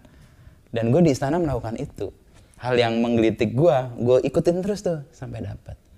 Lalu pada saat gue tulis itu ya presiden mengkampanyekan cinta produk dalam negeri tapi cinta nggak harus memiliki buktinya tasnya menteri itu jadi oh jadi Oh, lu ada tulisan kalimat gitu, tapi Iya, cinta iya. nggak harus memiliki. nggak harus memiliki dan terbukti dari tas ibu menteri itu itu yang yang lain yang ketiga soal sepatu ah ini kalau ini dampaknya serius di istana itu kalau puasa itu kan momen untuk semua orang melakukan aksi buka puasa bersama gitu. Hmm. Dan lembaga-lembaga negara tuh gantian tuh DPR ngundang ini ini ini. Nah, istana juga ngundang nih ini ini ini. Masih dalam rangkaian 2008 soal kampanye produk dalam negeri. Gue masih penasaran, bener nggak sih ini kampanye diomongin tapi dilaksanainnya atau enggak? Karena buka puasa itu terus menerus dilakukan, gue udah tau lah ya paling dainya ngomong ini, kiainya ngomong ini, ya itu kadang-kadang jadi berita, kadang-kadang enggak. Gue nggak tertarik itu. Tapi gue pengen datang aja ke situ karena ketemu narasumber, ngobrol kadang-kadang nggak jadi berita hari itu tapi hari lain. Nah waktu itu gue datang terlambat. Nah sekali lagi terlambat, terlambat itu ada manfaat baiknya. karena datang terlambat, gue sendirian gak ada wartawan lain. Heeh. Kita terlambat, kan kalau masuk ke istana buka puasa itu sepatu lepas nih. Hmm. Dicopot, dicopot. Dia mau sholat kan nggak bisa pakai Oh ya, sepatu. karena di karpet itu. Ah, ah. lalu sepatu itu dititip-titipkan tuh. Hmm. Ada kotak ini menteri ini dan keluarga, menteri ini dan keluarga. Oh, ada namanya. Ada. Lalu gue datang terlambat justru tahu itu karena kalau wartawan udah duluan nggak tahu menteri-menteri datang. Iya. Gue bawa kamera, gue foto iseng aja. Karena gue nggak mungkin mencatat semua karena dicurigai sama aju, apa petugas istana. Merek-merek sepatunya nggak ada yang merek lokal waktu itu 2008. Itu jadi penasaran buat gue, gue jadi tulisan juga masih dalam rangkaian itu. Dampaknya adalah hari berikutnya setiap buka puasa ada petugas khusus yang di hire oleh istana untuk menjaga tempat sepatu itu. Dan dengan menjaganya ada setiap orang yang menitipkan sepatu dikasih plastik kresek putih Oh, biar nggak ketahuan. supaya diikat dan nggak ketahuan kalau ada inu moto di situ nggak akan ketahuan mereknya besoknya gitu besoknya lagi eh, pemret-pemret kan gantian dibuka puasa bersama. Pemret-pemret kan nggak tahu nih wartawan siapa nih anak baru kemarin nulis-nulis. Nyari mana yang namanya Inu nih? Cari. Karena mereka datang ke istana terus nyari sepatu lokal kan. Takutnya ditulis sama gue dan jadi persoalan dan sebagainya.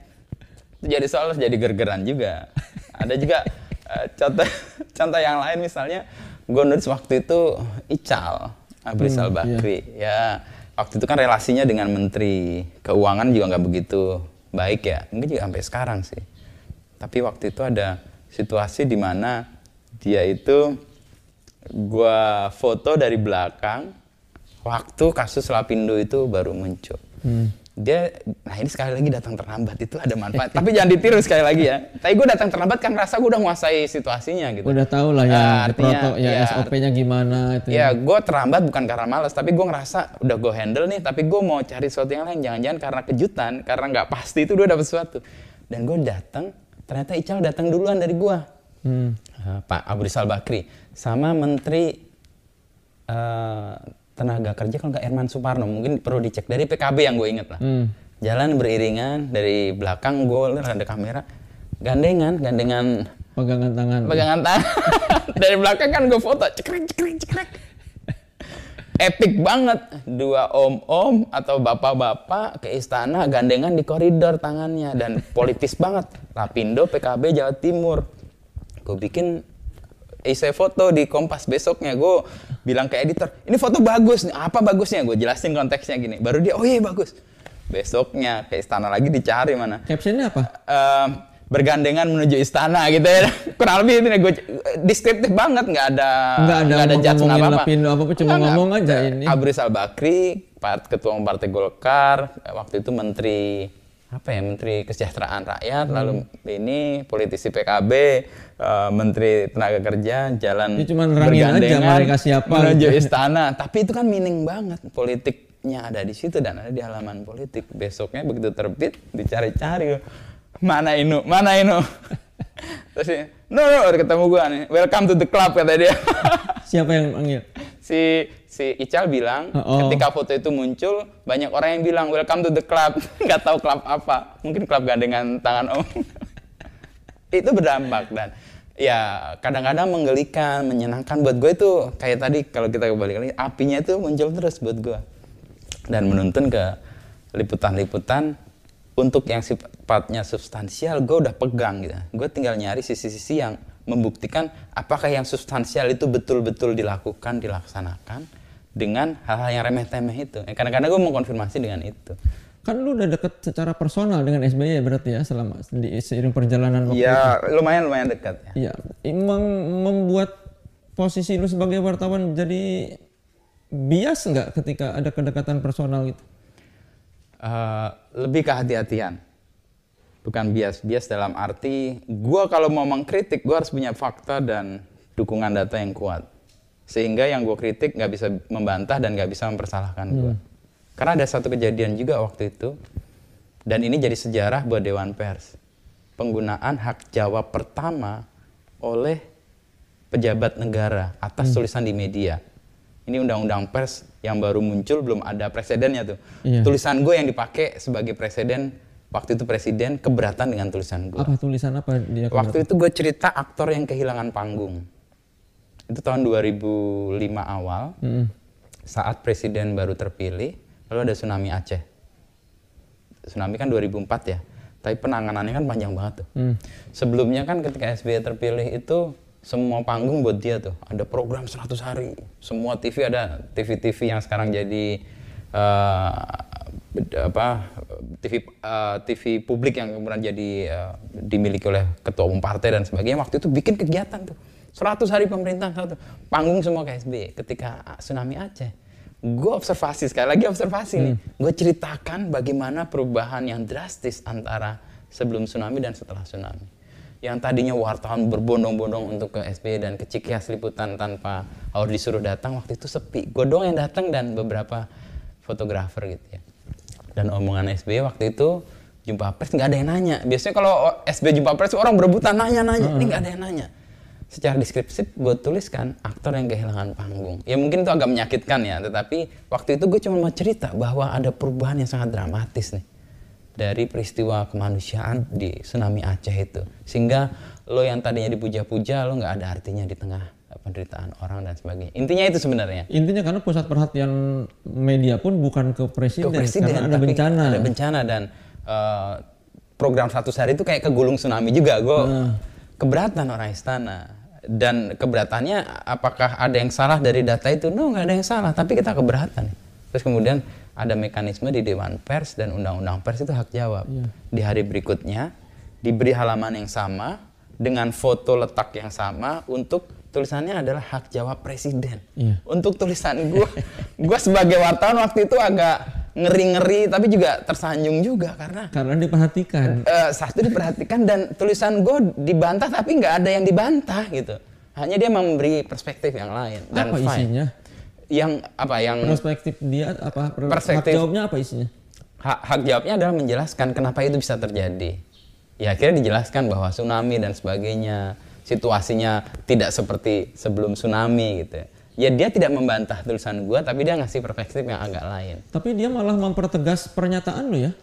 Kurang lebih iya sebenarnya. Tapi kan namanya ada hak jawab itu artinya kan ada sesuatu yang dipertaruhkan. Dan buat pembaca dengan ada hak jawab itu malah punya perspektif yang lebih luas kan. Jadi dia akan menilai dan mengambil keputusan ya depends on dia mau baca yang mana kan. Dia lebih percaya kepada yang mana. Tapi itu pengalaman yang buat gue bagus untuk era demokratis sekarang sih.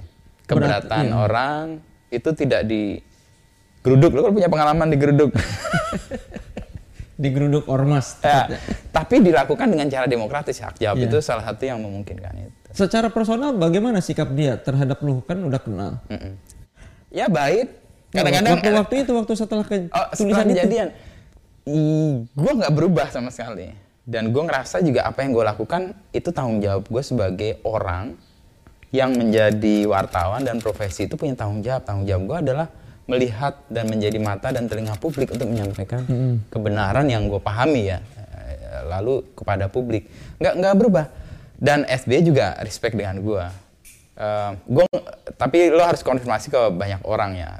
Pengalaman gue kalau ada jumpa pers itu eh, pasti yang ditanya ini Wisnu mana nih? Itu itu beberapa kali terjadi. Oh, SBY-nya. Ah, ah, lalu kalau ada acara gitu misalnya misalnya nih SBY nih ya nerima uh, perdana menteri yang lain terus wartawan di sini kan. Yang dia ngobrol biasanya gua Wisnu gimana? Rambut saya tambah putih ya? Ya kadang-kadang gua ngomong aja iya pak lagi stres ya gua itu pernah kejadian. Artinya memang relasinya nggak ada relasi yang kemudian berubah. Ya ada bias karena gua ngerasa deket dia juga deket dan dia nggak menekan gua sih. Itu yang gua rasakan dan mungkin perlu dilanjutkan oleh pemerintahan mana pun ya. Media pers itu harus diberi ruang untuk jujur berkata tanpa harus mengurangi eh, hubungan secara personal maupun pribadi dan hubungan personal jangan sampai mempengaruhi kerja-kerja jurnalistiknya Ya walaupun ada yang bilang kan SBY di, apa dianggapnya perasa sekali ya sama pemberitaan. Mhm. Sama lu nggak pernah begitu deh. karena gue tahu bagaimana cara mengkritik dia menurut gua ya Ya. mengkritik kalau orang Jawa tuh ngeritik nggak langsung tek gitu ya Iya. tapi jalannya memutar kayak tadi gua ngomong soal lo yang lo omongin sama yang dilakukan orang yang lo minta melakukan itu nggak sama itu ya contoh sepatu contoh tas LV tadi atau contoh ngomongin kemiskinan di istana dengan jas itu itu kan nggak langsung tuh Iya. tapi orang rasa, uh, kok di malah itu kalau dalam Jawa itu kayak nyerang tapi tanpa pasukan itu. Hmm. Itu langsung udah udah nggak bisa melawan lagi, udah bener itu. Cara itu sih menurut gue yang yang kena. Pak, apa pandangan seperti ini lu dapatkan karena lu orang Jawa apa karena sekolah di STF, STF tadi? Mungkin dua-duanya ya. Ketajaman melihat atau merasa atau ini feeling gue nulis ini pas atau enggak itu kan soal rasa tuh. Iya. Nah, rasa yang diasah itu mungkin juga karena pengalaman kultur gue atau pengalaman gue biasa menulis, observasi dan men- mendeskripsikan. Cara paling kuat untuk mengkritik orang menurut gue ya itu tampilkan fakta tanpa harus dia merasa tersakiti. Itu dengan cara yang ya ada rasa di situ sih. Nah, kalau lu sebagai pemren ketika ada reporter atau redaktur yang kerjanya tidak bagus, lu bagaimana menghadapi mereka itu? Apa mengkritik to the point atau pakai cara-cara yang muter-muter tadi? Eh, sekarang eranya mungkin berbeda. Kalau di digital itu ada tulisan-tulisan yang langsung, ada tulisan-tulisan yang memang kita siapkan untuk jangka yang panjang gitu ya. Dan gaya ini sebenarnya khas Kompas sebenarnya kalau gue merefleksikan ya. Dan ini kayak udah jadi kayak DNA wartawan Kompas. Kadang-kadang kalau orang baca artikel Kompas ini kok muter-muter gitu ya, orang yang nggak sabar ngerasa ini kok nggak to the point sih. Tapi untuk kepentingan yang lebih panjang, misalnya mengkritik kebijakan, itu jadi kayak cara atau metode. Makanya sering kompas itu. Nah, ini mungkin kritiknya benar juga, tapi sekaligus jati diri. Oleh Rosihan Anwar, kompas itu disebut jurnalistiknya jurnalistik kepiting. Jurnalisme kepiting. Miring gitu. Miring. Ke mana ma- nggak Iya, nggak iya, langsung nggak langsung. maju Ketika ya? ada bahaya dia lewat pinggir, tapi tujuan tercapai. Nggak lo pukul dan lo hancur dan nggak bisa berjuang. Nah, ini salah satu eh, filosofi yang diwariskan oleh Yakob Utama juga. Berjuang itu banyak caranya. Lo mau sekali hancur dan selesai dan dikenang, atau lo nggak hancur tapi perjuangan lo panjang karena tujuannya belum tercapai. Nah, Kompas dengan yang disebut sebagai jurnalisme kepiting oleh Rosian Anwar itu awal sih jadi ledekan tapi kemudian jadi memang benar ini cara yang pas kalau di kultur Indonesia ya apalagi yang banyak kultur sungkannya ya nggak hanya Jawa sebenarnya, Sunda pun kayak gitu, uh, kultur budaya yang lain gitu ya. Pakai itu malah jadi strategi untuk bisa bertahan. Uh, buktinya Kompas juga bisa bertahan agak panjang ya sekarang masih uh, menjalankan tugas jurnalistik sementara yang dulu keras medianya juga udah nggak ada. Ya, atau mungkin itu juga yang membuat ya Kompas selama Orde Baru kan tidak pernah ya yang kan media-media lain sering dapat masalah dari penguasa. Iya iya. Ya Kompas ada dua kali sih. Ya tapi kan nggak sampai yang Ya. eh, sampai dicabut, dicabut pernah. Dicabut pernah. Tahun 78 bulan Februari. Seminggu nggak terbit. Karena waktu itu mengkritik Soeharto, bisnisnya sama uh, keluarganya. Dan waktu itu ada kesepakatan nggak boleh ngomongin itu lagi. Tapi kemudian jadi lebih kreatif waktu itu. Mengkritik tidak lewat berita-berita nasional, tapi berita luar negeri. Jadi peristiwa luar negeri yang terjadi dipilih kan luar negeri kan banyak banget tuh Iya. dibuat itu memang di luar negeri, tapi kita menulisnya atau membacanya itu mengkritik ke dalam. Misalnya ada Marcos di Filipina diktator yang seperti apa kelakuannya. Kita ngomong diktator itu, tapi orang bisa asosiatif. kan? Pembaca melihat kok ini mirip ya. Nah, cara-cara kayak gitu. Dan dulu ada ada ada ada apa ya? Ada kebiasaan orang kalau membaca Kompas itu mau lihat politik nasional tuh baca politik internasionalnya. Karena itu jadi kayak strategi akhirnya. Iya iya iya. Mengkritik nggak langsung akhirnya tadi ya. Me- melakukan kritik dengan tujuan nggak harus mengorbankan kita sehingga habis sebelum tujuan tercapai. Terlihat menyerang apa orang lain padahal itu yang diserang diri kita sendiri ya dalam itu. Itu itu itu itu membuat orang ya udah nggak bisa ngapa-ngapain lagi. Itu kayak tersudut oh iya bener nih. Kalau langsung kan lo, lo bisa langsung reaksi tuh kan.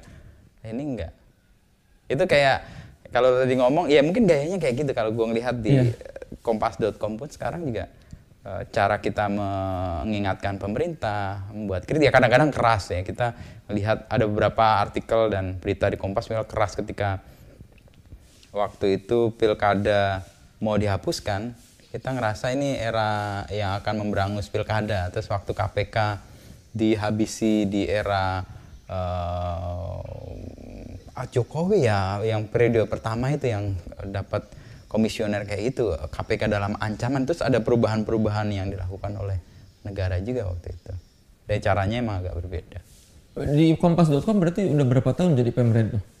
ini tahun ke-6 Pemret pertama lu? Enggak, kan Kompas.com 2009 eh 1995. Oh dari 95 kompas.com? 95 Kompas.com itu pertama itu pionir uh, online media di Sebelum Indonesia. Detik? Sebelum detik, detik 98. sebelum Detik ya. Kita waktu itu sama Republika, beda dua minggu. Hmm. Republika lebih awal, Republika terus kita. Lalu pemret awal yang jadi itu ada Mas Nino Laksono, lalu kemudian bertahan agak lama ada Mas Fik Taufik Miharja, terus ada Mas Beki, habis itu gua. Peralihan dari cetak ke online gimana buat lu yang bertahun-tahun sebagai wartawan cetak? ada perubahan cara bekerja ya tapi gue menjadi di digital kan atau di kompas.com kan tidak operating day to day untuk tulisan ya. Itu sesuatu yang berbeda. Gue ngerasa medium itu menentukan produk. Jadi kalau digital ya harus sesuai dengan produk digital. Misalnya paragraf lu nggak bisa panjang-panjang karena orang nonton atau baca kan lewat gadget tuh gadget kecil. Kalau paragraf kita lima kalimat itu ngeblok tuh satu layar. Nggak enak banget buat mata. Itu salah satu pembedanya. Lalu audience behavior itu juga menentukan. Kalau cetak kan pagi nih baca. Kalau langganan ya Kompas baca dan orang udah dikurasi. Kalau di online kan terus menerus tuh. Dan kita bisa membuat konten berdasarkan behavior audiens behavior audiens gini pembaca di Indonesia itu mulai melek tuh jam 5 pagi.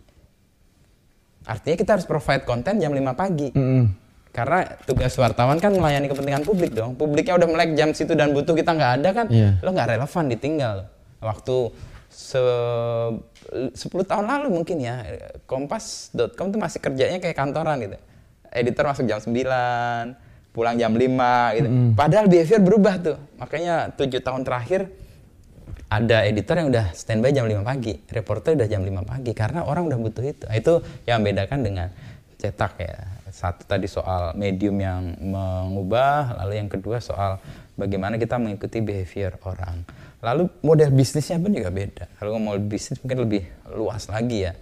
Dan bisnis di media digital itu kan modelnya orang masih mencari-cari, yang baru-baru juga belum menemukan. Akhirnya juga banyak yang nggak kuat karena kontennya dapat, model bisnisnya nggak nemu. Akhirnya nggak nggak survive juga dan nggak sustain. Gimana cara kompas.com menahan untuk tidak mengikuti tren media online yang clickbait dan beritanya kadang-kadang nggak sesuai ya dengan bukan buat kepentingan publik. Eh, kalau ini gue harus jawab begini. Eh, clickbait itu nggak keliru menurut gue clickbait dalam arti eh, umpan klik ya. Artinya membuat orang tertarik lo bikin tulisan keren banget tapi kalau nggak ada yang baca apa artinya gitu? Iya. nah clickbait dalam arti itu membantu untuk membayar daya tarik tapi clickbait sekarang udah kebablasan kan bahkan menyesatkan orang itu menipu. Nah itu itu gue nggak sepakat. Tapi kalau menarik lo jadi wartawan harus bisa bikin tulisan yang menarik. Itu satu. Lalu yang kedua supaya kita nggak menulis hal-hal yang ya nggak dibutuhkan orang atau nggak mencerdaskan bangsa gitu.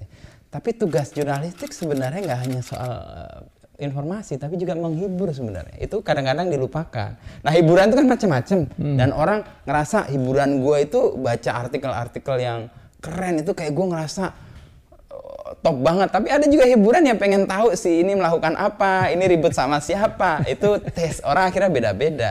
Ya kita punya audiens yang gede banget yang punya kepentingan beda-beda yang sering diprotes ya kami menerima protes itu sih ini kompah.com katanya media kredibel sini mau nggarap urusan personal orang yang nggak ada juntrungannya ini digarap gitu ya. Ya, ya.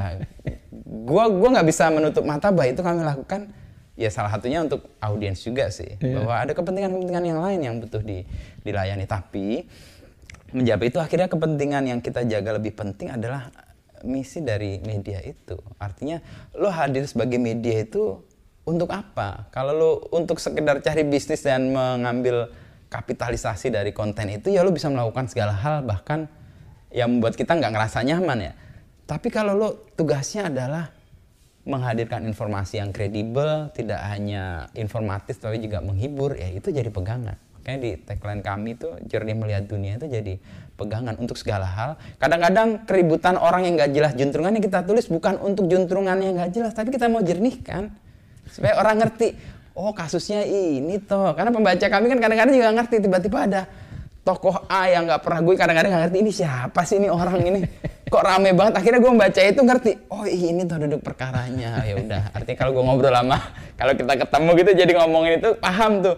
Oh iya itu ngerti. Bukan kami ingin memanfaatkan itu enggak niatnya adalah menjernihkan supaya informasi yang datang ke publik atau ke pembaca kami itu dipahami oke ini kasusnya ini, ini rame sih ah tapi nggak ngerti juntrungannya. Baca di kompas oh gue ngerti ini kasusnya. Ya karena kan orang masih menghubungkan antara kompas cetak yang ya seperti itulah kan apa berwibawa apa kaku segala Mhm. Agak macam konvensional gitu ya. konvensional dengan Konservatif. kompas.com yang kadang-kadang ngapain berita begini? Masuk di kompas.com iya udah gitu dengan gaya judul yang wow apa kan kadang-kadang kadang-kadang ekspresi-ekspresi sekarang kan masuk judul kan.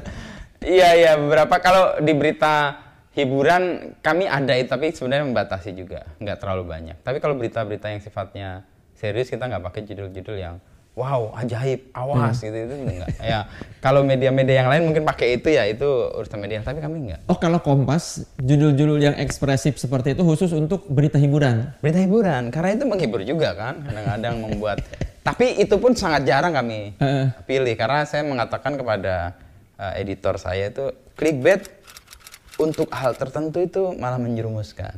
Karena membuat orang kecewa. Dan ketika orang udah kecewa orang nggak respect lagi. Nah bisnis media itu udah bisnis kepercayaan. Nah, kepercayaan itu tanda eh, kekecewaan itu tanda kepercayaan nggak ada kan? Nah itu bisa sangat bahaya. Makanya kadang-kadang kami juga sangat hati-hati untuk mengambil topik atau membuat judul atas sebuah peristiwa supaya kita tidak menanam kekecewaan makin dalam Iya. untuk jaga itu Kalau panjang umur upaya-upaya baik itu dari kapan itu ketemu frase Oh, ini. Em, ya gue nggak tahu. Kalau ketemunya mungkin belum lama ya tiga tahunan terakhir. Tapi pengalaman ini nih kayak pengalaman diri gue selama ya perjalanan di quarter life crisis kalau anak-anak sekarang itu ya mencari jati diri gitu ya. Gue ngerasa gue tadi bilang api yang terus membakar gue tuh kalau gue bisa bermanfaat bisa berbuat baik ya meskipun gue ngeklaim itu baik atau enggak tapi setidaknya gue merasakan itu me- me- membuat gue punya energi. Dan gue yakin itu tuh nggak nggak sebentar nggak bisa segera bisa mewujud gitu. Tapi kalau nggak mewujud lo jangan kecewa karena itu butuh butuh upaya yang panjang gitu makanya kalau gue ngelihat seperti kalau di apa ya Instagram atau apa yang terakhir apa 25 tahun dapat segala macam punya luxurious Iya, iya, kayak iya. gitu itu menurut gue menjebak itu dan membahayakan. Karena banyak hal tuh nggak nggak bisa segera lo dapat dan jalan orang beda-beda gitu. Nah itu yang yang kemudian itu bagian dari refleksi gue atas perjalanan hidup gue juga sebenarnya. Bahwa untuk hal yang instan pun itu harus ada proses lo bikin mie instan itu nggak bisa langsung jadi kan? Lo harus Iya, merebus air. seinstan-instannya. meskipun jadi goreng lo harus ngerebus. Itu kan proses juga tuh. Ada proses membohongi diri sendiri bahwa itu mie goreng gitu ya. Padahal direbus gitu ya. Itu kan proses yang dan panjang dan kadang-kadang gagal juga. Mie yang kita buat kok enakan yang beri di, di warung gitu ya. Nah itu butuh nafas yang itu gue ngomong soal kegigihan sama ketekunan sebenarnya. Dan untuk hid- menurut gue ya pengalaman gue kalau punya kegigihan, ketekunan dan kegigihan dan ketekunan itu didasari pada api yang terus menyala, itu lo akan membakar banyak hal, membakar dalam Iya. arti baik. Berarti kesadaran ini juga bermuncul belakangan ya setelah bertahun-tahun menjalani itu.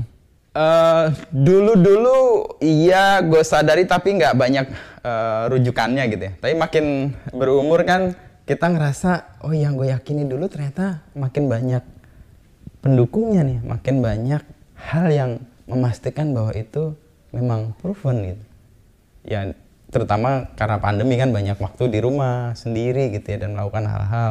Kadang-kadang niatnya baik tapi nggak terwujud dan sebagainya. Dan dan niat baik juga kita nah ini soal gugatan tadi ngomong niat baik itu kita harus juga menggugat loh kadang-kadang. Yang jangan baik buat kita belum tentu baik buat orang. Itu yang kadang-kadang gue hati-hati banget. Ini niat baik gue bener nggak buat orang itu akan jadi baik jangan-jangan malah jadi bencana tuh Hmm. Nah, ada ce- cerita sederhana gini. Ini banjir nih. Banjir di hutan gitu, ada monyet selamat kan. Dia naik ke pohon kan. Tiba-tiba dia lihat ikan di situ. Niat baik monyet adalah menyelamatkan ikan itu. Karena dalam pikiran dia, berdiri di atas pohon itu selamat. Jadi tenggelam. Ikannya diambil sama monyet itu. Nggak lama kemudian ikannya mati dan menggelepar. Nah ini cerita sederhana yang kemudian jadi gugatan gue kalau gue ngomong, gue niat baik lo sama lo gitu. Please deh niat baik lo itu dalam term atau value lo tapi buat orang lain jangan-jangan enggak. Atau jangan-jangan sama juga nggak ada masalah tapi gugatan itu kesempatan untuk membuat kita juga ngerasa berpikir ulang oh iya ya yang gue niatkan bisa jadi sesuai tapi bisa jadi juga enggak. Itu harus kita terbuka Hal-hal seperti ini ada di rumah tangga nggak maksudnya hal-hal serius-serius seperti ini. Lu tanamkan nggak ke anak istri? Beberapa ya, tapi tergantung kalau anak tergantung usianya ya. Anakku yang paling besar kan sekarang masuk SMA. Lebih ke konsekuensi gue beritahu. Misalnya dia senang banget dengan dance sekarang. Hmm. Uh, dan dia sama timnya itu ngedance terus dan menurut gue baik lah dia butuh uh, ekspresi butuh aktivitas fisik juga ya dan dengan peer groups itu kan sesuatu yang membentuk zaman gue juga dulu. Main basket itu sampai lupa waktu kan uh, sampai dicariin orang tua gitu ya. Kita nyuri-nyuri waktu karena waktu itu butuh sosialisasi dengan uh, teman-teman ya. Nah soal konsekuensi gue bilang ke anakku itu "Eh, papa ngelarang ini semua. Tapi sadar bahwa ini itu bawa konsekuensi. Kamu akan lelah waktunya nggak banyak lalu pelajaran bisa terganggu. Dan posisi itu dia sadar dengan itu Ngomong-ngomong soal keluarga, lu hobi lu bagaimana menyiasati hobi supaya direstui istri? hobi yang mana nih Kan hobi lu banyak, ada Vespa dan Morris, Eh, sepeda. iya gue waktu nikah istri gue udah tahu gue punya hobi itu Ah, Jadi itu sebuah konsekuensi yang dia harus terima ketika gue diterima lamarannya. Jadi dia menerima gue dengan diri gue gitu ya. Ya sejarah gue, background gue dan hobi gue dia harus terima itu. Meskipun dalam perjalanan ya namanya keluarga ya ada proses di mana kita juga harus mementingkan keluarga pertama-tama ya. Tapi semua hobi gue itu produktif sih menurut gue. produktif gimana? Misalnya sepeda. Gitu. Gue membeli sepeda bukan untuk hobi tapi untuk olahraga Hmm. daripada gue beli treadmill yang harganya kurang lebih sama sama sepeda gue beli sepeda karena treadmill akhirnya gue beli nggak pernah gue pakai pernah terjadi kalau sepeda gue udah 20 tahun punya sepeda yang pertama gue beli ketika gue jadi wartawan di Kompas gaji pertama gue tuh gue pengen sepeda itu gue beli Apa sepeda apa? Eh, lokal si Polygon, Polygon. eh, Cyclos itu seri waktu itu limited gue ngerasa wah gue harus mewujudkan dan memberi reward atas diri gue waktu itu belum nikah. Dengan membeli barang yang gue sukai sejak kecil dan gue punya sendiri. Road bike itu. berat baik sampai sekarang masih gue pakai. Gaji pertama dipakai itu. gaji pertama gue kumpulin dua bulan kemudian jadi itu. Lalu produktif yang lain selain buat olahraga misalnya Vespa. Vespa itu buat gue nggak hanya soal ya hobi tapi gue mengenang sesuatu dan kenangan itu produktif. Gue mengenang bapak gue Hmm. bapak gue itu orang yang gue ngerasa jadi kayak model buat gue sebagai orang tua ya dia menggunakan Vespa untuk ngajak anak jalan. Dan momen lo jalan sama anak berdua itu dengan Vespa itu buat gue itu terkenang sampai sekarang. Dan itu gue lakukan dengan anak gue. Itu parenting tuh gue pakai kendaraan itu. Juga mini sih. Kalau mini sih lebih setelah gue kerja dan setelah berkeluarga karena waktu itu nggak kekejar dengan dengan gaji. Tapi itu mimpi yang gue ingat ketika gue SD di Cijantung. Pas istirahat ada mobil lewat Mini tuh Cooper. warna merah. Gue nggak tahu waktu itu mobil Mini Cooper tahun 87 88 gitu kelas 6 SD tapi gue kok suka banget sama mobil itu. Tiap pagi lewat tuh pas istirahat. Heeh. ternyata itu yang punya orang Kompas Gramedia. Setelah sekian tahun gue selidiki dan gue tahu itu tahun 94 95 ketika ada Mr. Bean. Ah mobil ini nih ternyata. Tapi itu cuman ingatan aja. Tapi begitu gue kerja gue pengen suatu saat kalau mau beli mobil itu gue pupuk lama. Dan istri nggak tahu itu sih. Ya.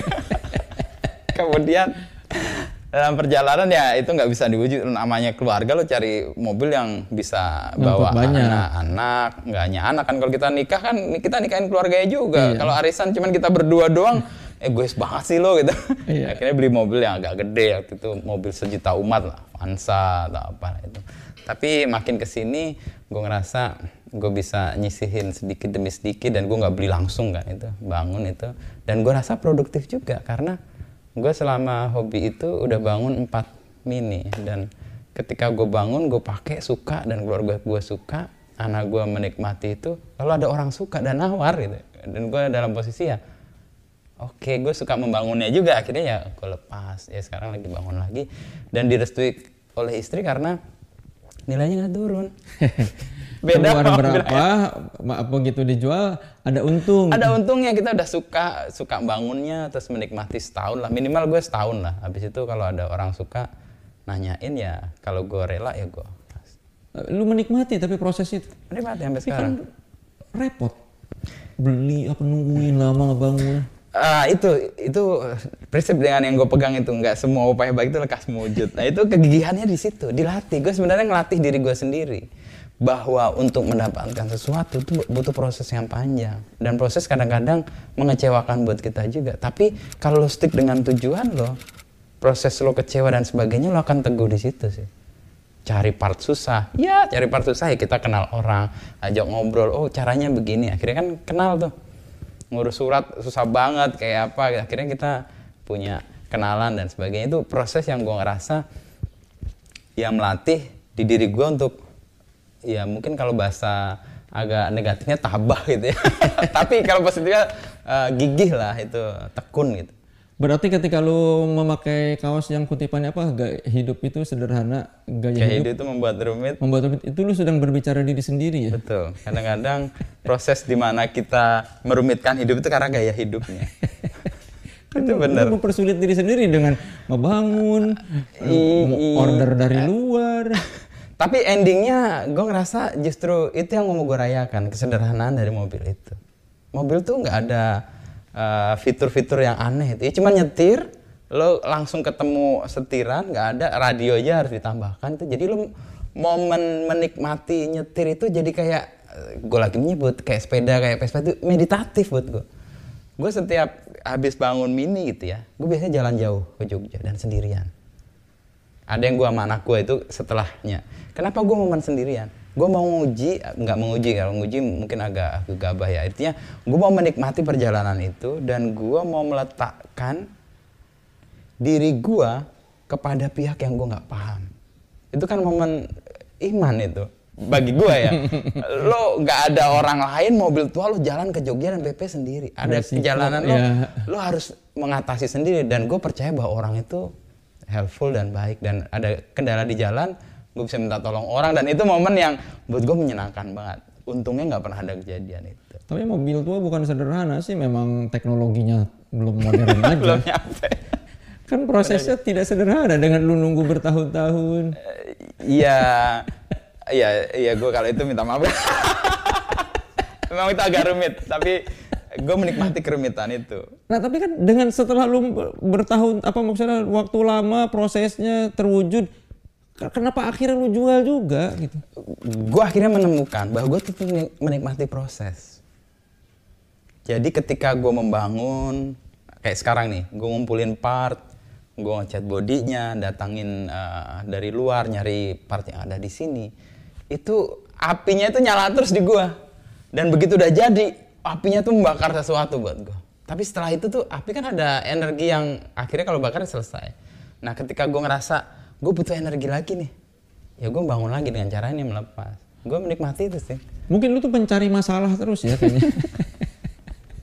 kalau gue hidup gak ada masalah kayaknya nggak seru sih sebenarnya. Mungkin itu juga sih? Ada kendala ada gangguan gitu. Ada yang nggak nyaman ada yang membuat kita tergugat gitu ya. Itu malah justru membuat energi itu muncul lagi sih. Kan udah empat kali berarti ya apa membangun ya minivan MK1 MK1 hijau sama mini rover hijau Ketika membangun setiap mobil ini lu bilang sama istri lu nggak? Oh ini mbak ini terakhir nih ini ini sudah yang gua enggak unjur enggak? baru membangun yang ke membangun sekarang baru gue terus terang Apa terus terang apa? terus terang baru gue sedang membangun ini Sebelum sebelumnya enggak? sebelumnya enggak Apa jadi diam-diam tiba-tiba datang? Eh, ya gue bilang beli itu ya tapi gue membuat angkanya tidak seperti yang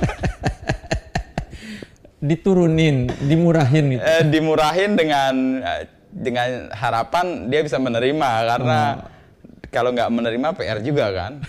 Yang kedua adalah gue yakinkan bahwa kendaraan itu dipakai dan dia bisa menikmati. Anak-anak Bahwa ini suka. bukan cuma buat ditaruh di garasi gitu. Ya, gue day to day pakai itu dan jadi mobil eh, harian gue juga dan pakai dan anak-anak kebetulan lebih suka mobil itu ketika weekend dibanding pakai mobil yang lain kalau jalan. Nah, itu membuat gue ngerasa gue punya amunisinya nih. Iya, didukung sama keluarga. Sama gitu. keluarga. Yang baru yang terakhir ini gue terang-terangan karena kemudian ada yang tadi nilai itu. Karena ini nggak udah nggak bisa dimurahin gitu. Ya dia punya nilai nggak pernah turun. Itu pengalaman gue ya.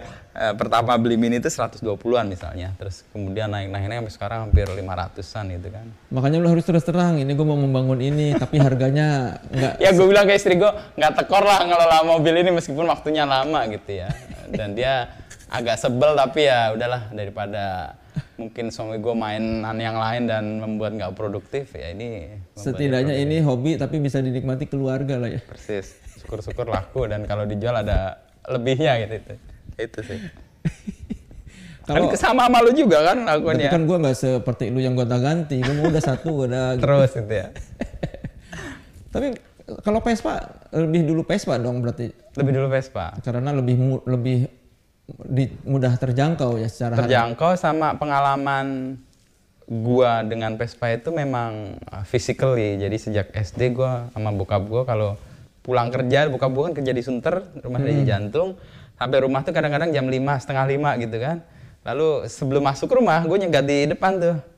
Ikut eh, anak SD gitu Ya, kan. pengen Eh, duduk di di depan, depan gitu. keliling dulu di situ. Dan itu momen yang menurut gua momen kedekatan personal dengan bokap ya.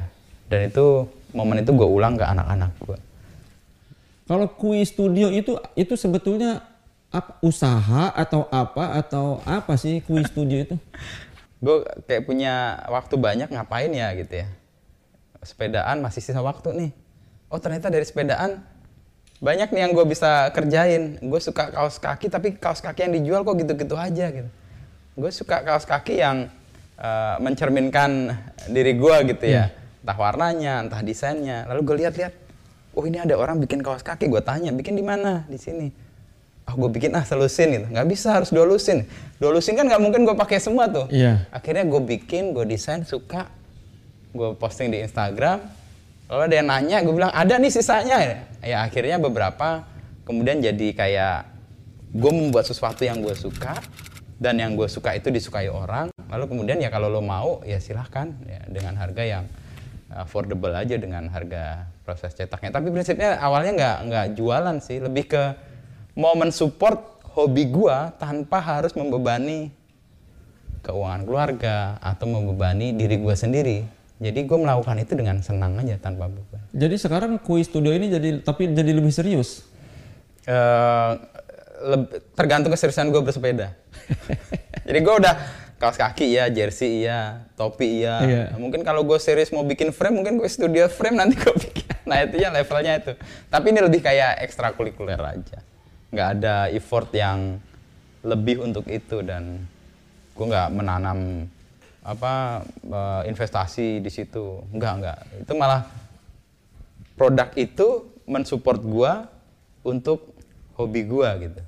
Dan kalau nggak mensupport ya udah hobi gue harus agak berkurang lah. Itu kayak bertanggung jawab dengan hobi lah gitu. Lo hobi tapi jangan membebani orang lain dong, jangan mengganggu keuangan keluarga. Kalau syukur-syukur hobi lo bisa mensupport lebih justru itu. Makanya gue sebut tadi ini produktif. Mengajar udah berapa tahun berarti kalau ngajar? Ah, ini ngajar ini kayak yang gue tadi sebut cita-cita awal setelah lulus Stefan pengen jadi dosen. Iya. Ini terwujud juga tanpa gue sengaja, tanpa gue niatkan gitu ya. Jadi gue waktu itu bikin buku eh, tetralogi sisi lain SBY itu Iya. ya. Buku itu gue diundang dan waktu itu buku itu bestseller dan jadi buku yang eh, diperbincangkan orang meskipun udah harian gue tulis di blog dan gue tulis di cetak ya. Tapi kan nggak semua orang membaca itu. Ketika buku dan disiarkan secara masif oleh televisi waktu itu, baik Metro TV maupun TV One, itu buku itu jadi luas Uh, dan bestseller dan waktu dua minggu habis tuh buku 5000 eksemplar dan itu pengalaman yang shocking buat gua.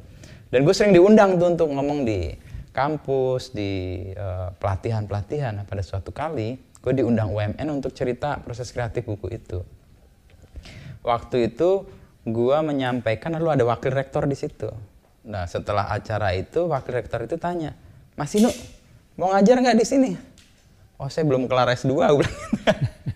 eh nggak apa-apa kirim aja CV dulu gitu. Waktu itu gua lagi tesis S2-nya, baru mau menyelesaikan lah. Kemudian ada tawaran itu, gue nggak ada pretensi apa-apa, tapi kemudian gue kirim CV gue. Karena udah niat untuk mengajak gue jadi dosen di situ. Terus kemudian tahun 2015 setelah gue lulus kuliah S2 itu 2014, gue menyanggupi dengan agak serius karena syarat untuk ngajar S1 kan harus S2 ya tidaknya. Dan dari sekarang ya udah enam tahun ya. Dan itu punya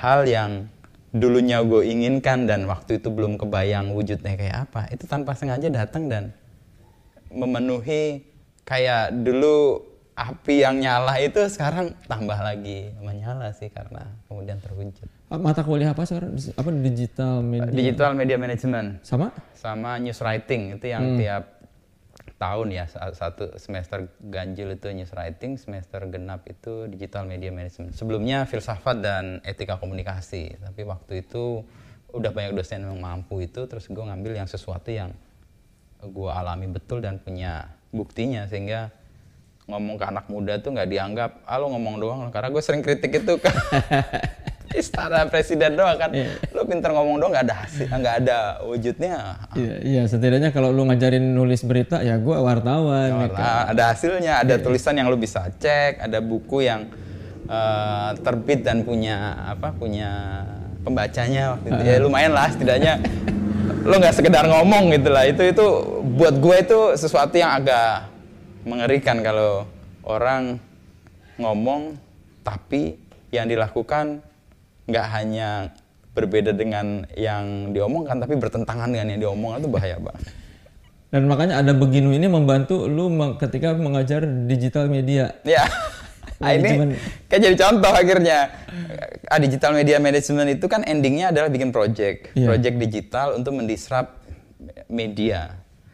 Untuk apa? Untuk membuat peluang bagi anak-anak lulusan jurnalistik itu nggak hanya membayangkan kerja, tapi lo create sesuatu yang lo bisa hidup dari situ. Nggak harus gede, tapi kecil tetapi punya manfaat, eh, punya dampak sosial dan lo peduli dengan eh, dunia sekitar, fine nggak ada masalah.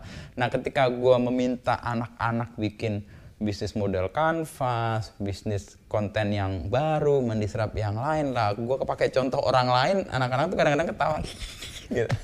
Dan perasaan ngajar lalu diketawain sama eh, apa mahasiswa itu kayak pengalaman gue SMA waktu belajar Yeah. fisika matematika, gurunya ngajar tapi gue nggak paham, tapi dia nggak ngerti kalau gue nggak paham. Akhirnya gue nulis sesuatu yang lain. Nah gue itu nggak mau terulang. Dan itu memacu gue ya, gue harus punya bisnis model kanvas sendiri dan gue wujudkan ke eh, produk ini dan gue kasih tahu ke anak-anak. Nah, Quiz Studio itu salah satunya juga Oh. waktu itu sebelum gue punya program ini. Lo bisa kok dengan hobi lo melakukan sesuatu dan kemampuan desain ala kadarnya dibantu dengan teknologi. Kalau lo ketemu pasarnya, marketnya, lo bisa. Tinggal effort lo mau taruh di situ banyak atau enggak. Makanya lu contoh ini saya juga bikin nih apa kemampuan desain minimalis Hmm. tapi bisa bikin sesuatu yang dibeli orang gitu. Iya, ya itu itu setidaknya buat buat gue lebih mau memberi semangat ke anak-anak. Kadang-kadang kan mereka hopeless apalagi Iya. sekarang ya. Eh, Situasi apalagi lapangan pekerjaan akan banyak hilang. Lo jangan sedih kalau lapangan pekerjaan akan hilang. Artinya kerja-kerja kita akan diambil alih oleh hal-hal yang nggak harus kita yang melakukan, tapi kita dapat manfaat baiknya, entah robot dan sebagainya. Lalu create sesuatu yang baru yang nggak mungkin dilakukan oleh yang mengambil alih pekerjaan kita itu. Itu. Apakah komentar mereka tentang beginu uh, talk show ini? Beberapa mereka menyangka akan jadi konten yang konvensional dan konservatif kayak Kompas. Tapi ketika gue misalnya wawancara lu yang pertama kan, Nah. ini kan nge- ngebodor gitu. Istilah- Tapi ternyata mereka lihat ada isinya gitu. Lalu yang agak shocking itu ketika gue wawancara Jason Ranti misalnya. Dan mereka, oh Mas Inu wawancara Jason Ranti, oh, kita aja dengarnya agak gimana gitu. Iya. Tapi buat mereka terus kemudian sadar bahwa audiens lalu dinamika yang terjadi di publik itu emang harus ditangkap. Cara-cara lama itu bisa jadi udah obsolete, udah udah kuno itu udah nggak nggak relevan lagi dengan zaman. Nah, gue ngajar itu sebenarnya upaya untuk tetap menjadi relevan dengan anak-anak itu. Apa yang jadi mimpi anak itu, apa yang jadi kecemasan anak itu, apa yang menjadi harapan anak itu gue tangkap sehingga jadi produk juga. Dengan lu mau wawancarai Jason Ranti aja mereka udah tahu oh ini orang ngerti yang sekarang lagi disukain anak muda gitu. ya. ya itu paling nggak gue punya otoritas untuk ngomong gue relevan loh gue update loh meskipun usia gue udah segini gitu itu thanks ke JJ nih karena dari itu gue punya punya otoritas tuh ngomong gue update gitu eh, setidaknya itu Iya. Tapi di antara 30 episode yang buat lu wah ini narsum apa meninggalkan kesan yang paling berbeda siapa? masing-masing punya kekasannya ya Hmm. tetapi kalau dari sisi yang nggak terduga itu Dudung Kenapa itu? Maijen Mm. Dia tentara kan masih Iya, aktif Itu dia tuh yang nurun-nurunin baliho. baliho ya Gitu kan. itu nggak terduganya adalah gue ya waktu menunggu dia udah lama banget itu kita udah capek energinya habis 4 jam tuh nunggu dia karena dia padat banget Oh, acaranya nunggu di lokasi. di lokasi karena jam jam 12 baru jam setengah empatan itu kita eh, wawancara dan waktunya pendek dikasih waktunya dan di tempat yang nggak cukup proper ya tapi ya itu tadi gue punya pendapat gini ketidakpastian itu kadang-kadang melelahkan buat kita. Tapi lo harus siap-siap dengan kejutan-kejutan itu. Ya kadang-kadang nggak menyenangkan kadang-kadang juga menyenangkan. Tapi gue berusaha untuk deal dengan ketidakpastian dengan perasaan gembira terus sih. Dan gue meskipun udah capek 4 jam nunggu gitu ya, ketika datang dia wah gue masih exciting banget terus. Ngobrol sama dia. Ternyata orang yang gue anggap tentara itu kan tertib kaku dan sebagainya. Ketika ngomong oh enak ajak ngobrolnya dan mungkin cara cara ngajak ngobrol juga beda ya. Gue dalam posisi gue pengen mendengar sebenarnya. Dan gue ingin mendapatkan sisi pribadi dia bukan dia sebagai pangdam waktu itu pangdam. Dan ketika muncul itu keluar dan dan itu terbukti dengan ketertontonan itu paling tinggi sih. Mungkin udah hampir 800-an ribu views ya eh, itu. Tapi bukan hanya soal itunya tapi nilai yang dia hidupi itu kok merevisi bayangan gua soal nilai-nilai ketentaraan, soal empati, Mm-mm. soal humanisnya, lalu bagaimana mendidik eh, tentara, bagaimana menjadikan sekolah dalam hal ini Akmil itu sebagai tempat pendidikan yang lebih manusiawi itu dia melakukan itu semua. Itu salah satu aja contoh. Tapi sebelumnya udah kenal dengan Tahu tapi nggak kenal sebenarnya. Oh, belum pernah Ada perasaan nggak nyaman juga awal-awal. Iya. Ini orang kayak gimana ya? Tapi waktu itu kan dia sangat populer gitu ya. Dan gue penasaran ini orang siapa sih gitu ya. Dan dari ngobrol itu, ya riset ada sih. Tapi justru ketika ngobrol itu gue dapet sesuatu yang nggak terduga ya, mengejutkan. Itu contoh. Narsum beginu kan variatif sekali ya. Mhm. Ke- Kriterianya apa yang lu tet- apa tetapkan untuk Mhm. memilih orang jadi narsum di beginu? Kadang-kadang ada kejutan karena di luar kriteria, karena terkendala deadline. itu lo ngalamin juga lah. Tapi kita punya kriteria yang clear. Di season pertama itu orang yang dekat dengan gua, Hmm, yang ada di lingkaran gua. season 1 tuh. Season 1 ada 15. Ada lu, ada Soima, ada Farid Stevi, ada Butet, ada Jonan, ada JK, ada Susi, dan banyak yang lain. Ada Ridwan Kamil dan sebagainya. Lalu kemudian kita ngerasa lingkaran itu harus diperluas. Mm-mm. Dan di season 2 kita mulai memperluas dengan menambah harus update nih, harus ada lo di era lo doang yang kenal angkatan lo doang, harus ada angkatan yang lain nih. Misalnya season kedua muncul dengan Jason Ranti. Iya. Gue kenal anak ini udah agak lama, tahu lagu-lagunya dan dosen yang ngajar di UMN ternyata teman angkatan dia di SMA dan obrolannya si eh, dosen itu namanya eh, Reza dia mengatakan lo kalau ngobrol sama JJ kayak masuk deh cocok apa yang lo minati apa yang lo pikirkan dan apa yang lo anggap sebagai value masuk tuh di JJ gue awal di, di- terus gue ngerasa oh lihat oke dan di season 2 itu kami luaskan terus kemudian di season kedua juga kepikir ini kalau kita jalan sendiri gini terus ini kan costnya ada nih Hmm. Eh, mulai lagi berpikir soal gimana model bisnisnya. Tapi kita nggak heavy untuk mencari model bisnisnya, tapi ya terbuka untuk model bisnis apa pun. Dan di season 2 ada beberapa yang masuk dan jadi tambahan energi. Oh ternyata ini ada model bisnisnya nih. ada yang tap in, lalu ada yang ngerasa pengen muncul di situ diwawancara dengan gaya seperti itu. Dan itu jadi cost produksi bisa ketutup dengan itu aja dulu. Oh. Nanti nggak tekor dulu lah. ya minimal nggak nombok lah ya. nggak nombok kalau di season pertama ya kita nating dulu saya bikin produk dulu di season kedua sih itu oke dan di posisi itu dengan meluaskan audiens dan lingkaran. Meskipun semua orang yang gue wawancara umumnya gue kenal dan gue tahu lah setidaknya gitu. Jadi ngobrolnya nggak nggak kaku gitu ya dan lebih personal. Nah di meluaskan itu ya meluaskan audiens. Berarti ketika model bisnisnya sudah kelihatan, gimana manajemen perasaannya? ya setidaknya kalau kita butuh alat atau butuh eh, pergi untuk syuting mereka nggak nggak rewel lagi lah. Artinya oh iya nih ada hasilnya nih. Waktu season 1 agak season pertama agak wow kita sangat ya gue sadar itu harus sangat efisien. Efisien dalam arti budget ya. Iya. dan karena bagaimanapun namanya inisiatif kan belum tentu ada hasilnya ya. Kalau bisa sekecil mungkin seminimal mungkin jalankan kalau udah ketahuan ya lo mau scale up nggak ada soal meskipun tetap harus terukur tapi setelah season kedua ada eh, model bisnisnya dan di season berikutnya ini ada yang melirik-lirik ya kami agak pede nih mungkin lo juga ngalamin kayak gitu kan di, di Tapi produk-produk. ka- kalau sebagai pemret lebih Hmm. mudah dong membuat apa, mengajukan program seperti ini ke pihak manajemen. Iya ada lebih mudahnya karena meyakinkan ke manajemen kan nggak butuh orang lain ya, gue aja yang maju. Tetapi sebenarnya prosesnya sama aja.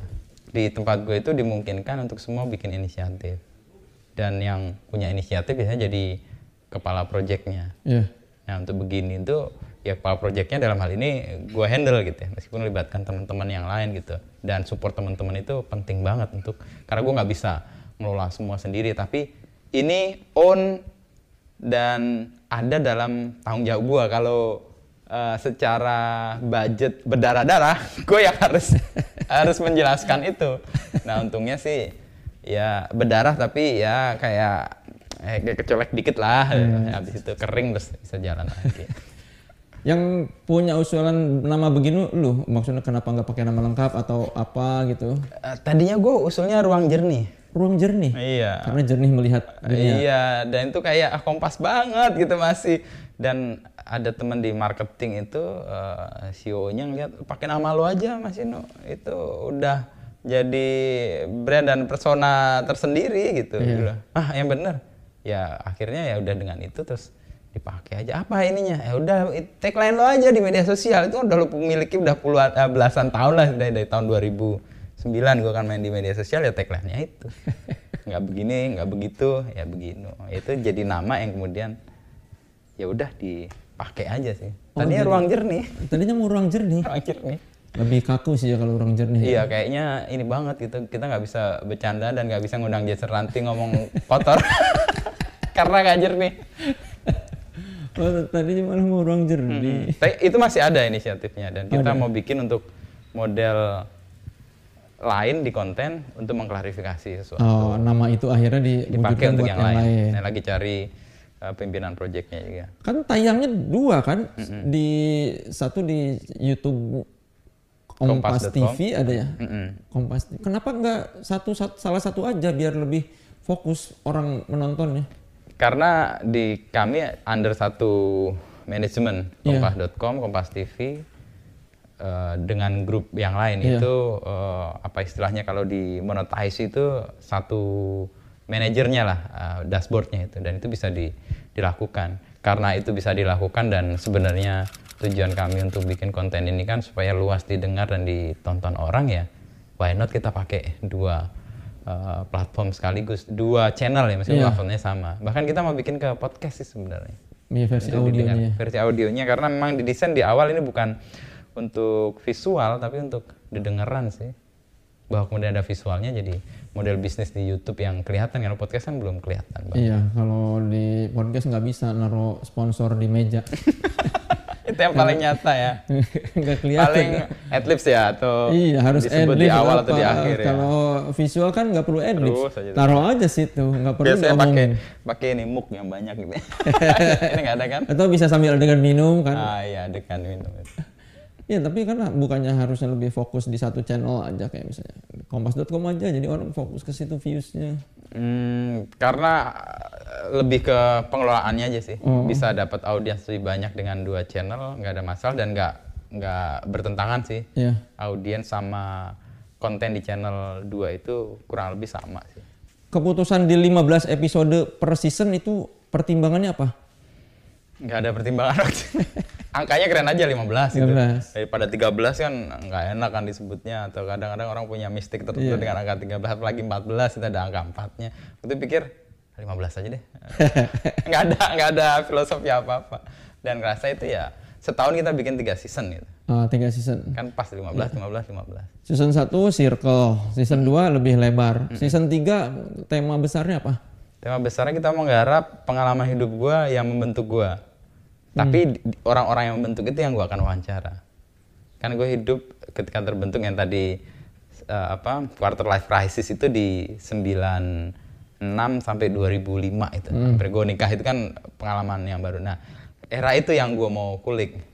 Pasti generasi 90-an, Iya. topik-topik yang hidup di era itu, orang-orang yang populer di zaman itu, orang-orang yang mempengaruhi apa nilai-nilai yang gue pegang sekarang nah, itu gue mau datengin.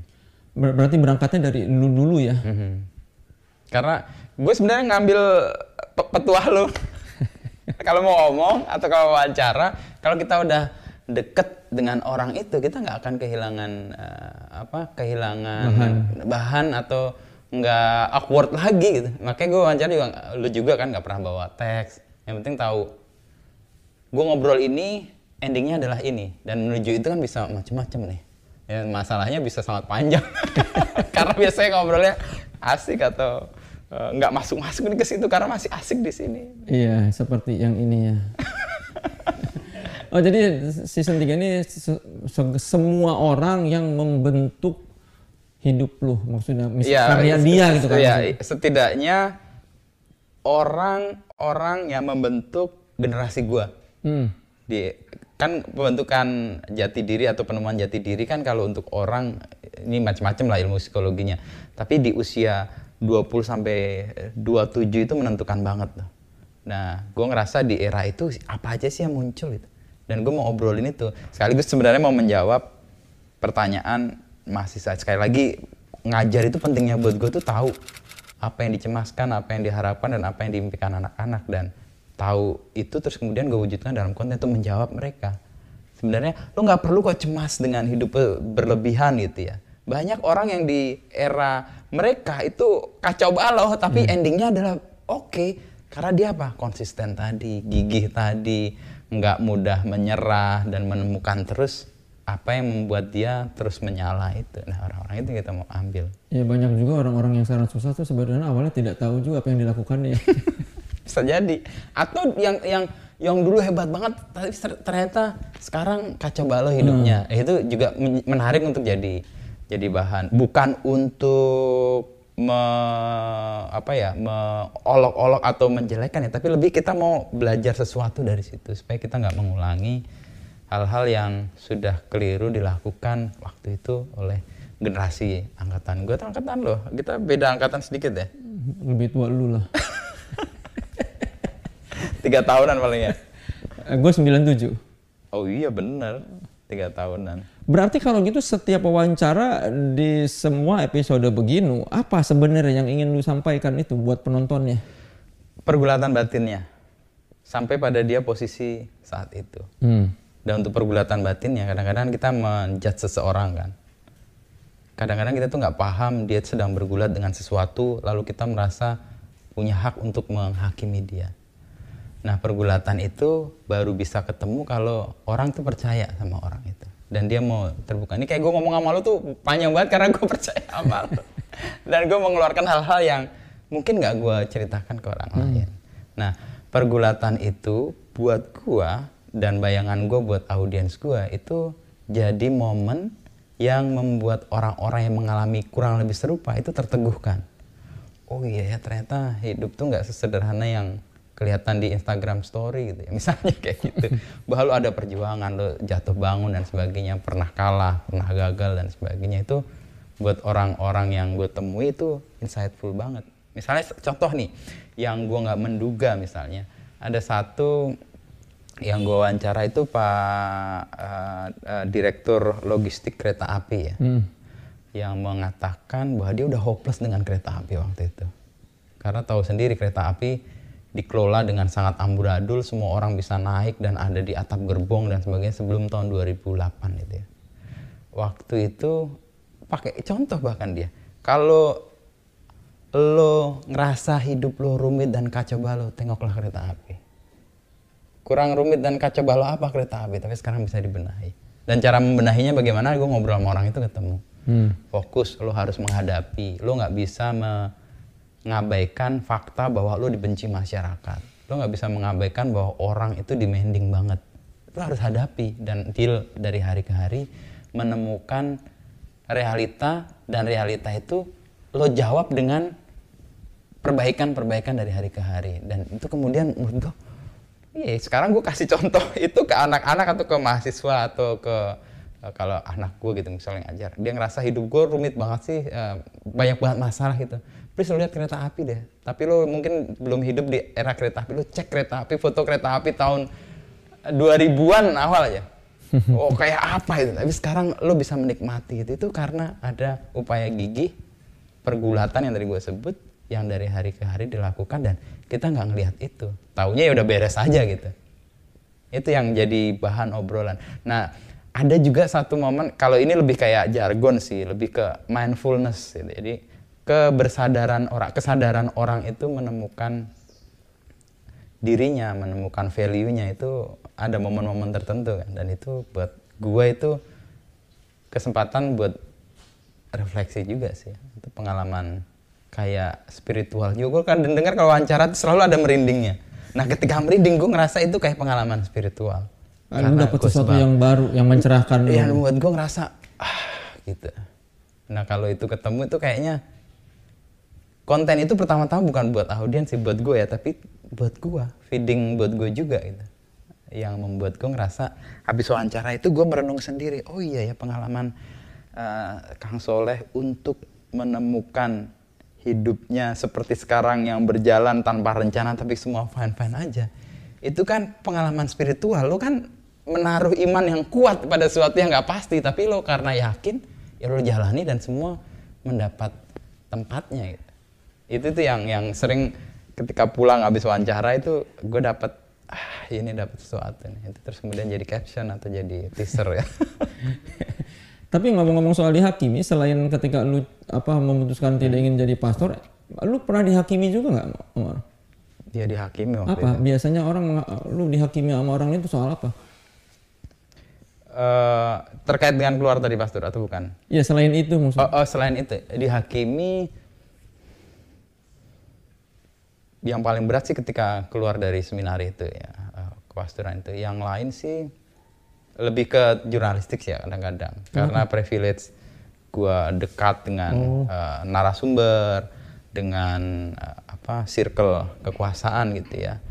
Ya dianggap wah nyari berita mah gampang di situ nggak ada effort. Ya benar, kalau lo bikin berita yang konvensional aja seperti yang dilakukan jurnalis yang lain, lo emang nggak perlu effort.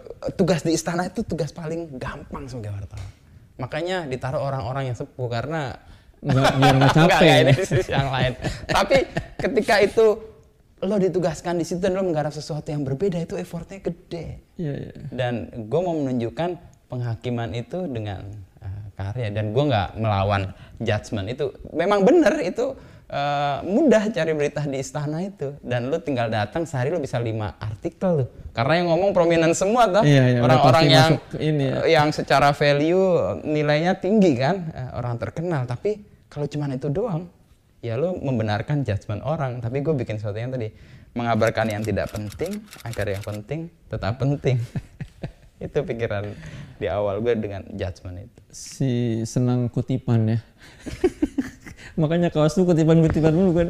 iya iya lumayan lumayan. Apa kemarin apa? lumayan Ya, banyak. Faris? Tapi ketidakpastian yang, yang menyenangkan. nah nah, itu itu itu momen yang gue temukan setelah wawancara kok. Obrolan kita ngomongin soal ketidakpastian dan ternyata dengan ketidakpastian kalau sikap kita benar itu menyenangkan kok.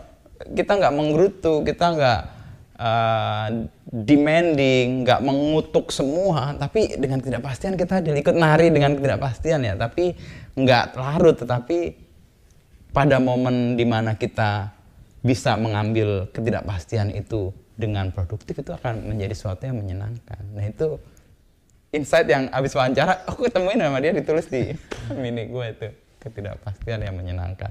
Ya karena kita tidak bisa berharap hidup bakal berjalan sesuai rencana terus. Ya. Persis. Dan kadang-kadang justru hidup yang sesuai rencana itu membosankan sih. Ya udah tahu ini kayak apa. Nah makanya kalau ngomongin season ketiga, ya kita tidak bisa bilang pastinya bakal gimana ya. Iya, namanya juga ketidakpastian. Rencana ada, tapi kalau deadline harus ngejar, lo harus bikin sesuatu. itu kan ketidakpastian juga. Iya, iya. Tiba-tiba ketemu narsum yang lebih oke dari rencana kita nih. Iya ya, udah ada list berapa, terus tiba-tiba di tengah jalan, eh sini menarik. Kayaknya udah kebanyakan ya. Kasihan editornya. Banyak Pokoknya, banget. Saudara-saudara jangan lupa saksikan saja season ketiga Beginu ya. Dengan bintang tamu yang ber ada di seputaran itu tadi. Era-era 2000 apa 96 ya. Iya, 96 sampai 2005 itu. 96 sampai 2005 Transisi milenium lah. transisi milenium dengan tokoh-tokoh yang mempengaruhi kehidupan seorang beginu ya dan mungkin juga bakal mempengaruhi kehidupan Anda ya. Siapa bintang tamunya? Saya tidak tahu ya. Pokoknya yang pasti tonton saja di kanal YouTube ini. Udah capek ya gue ya. Ya, thank you Kang Soleh. Ya, terima kasih loh. Ah, gila gue ngobrolnya ngomongnya jadi banyak banget.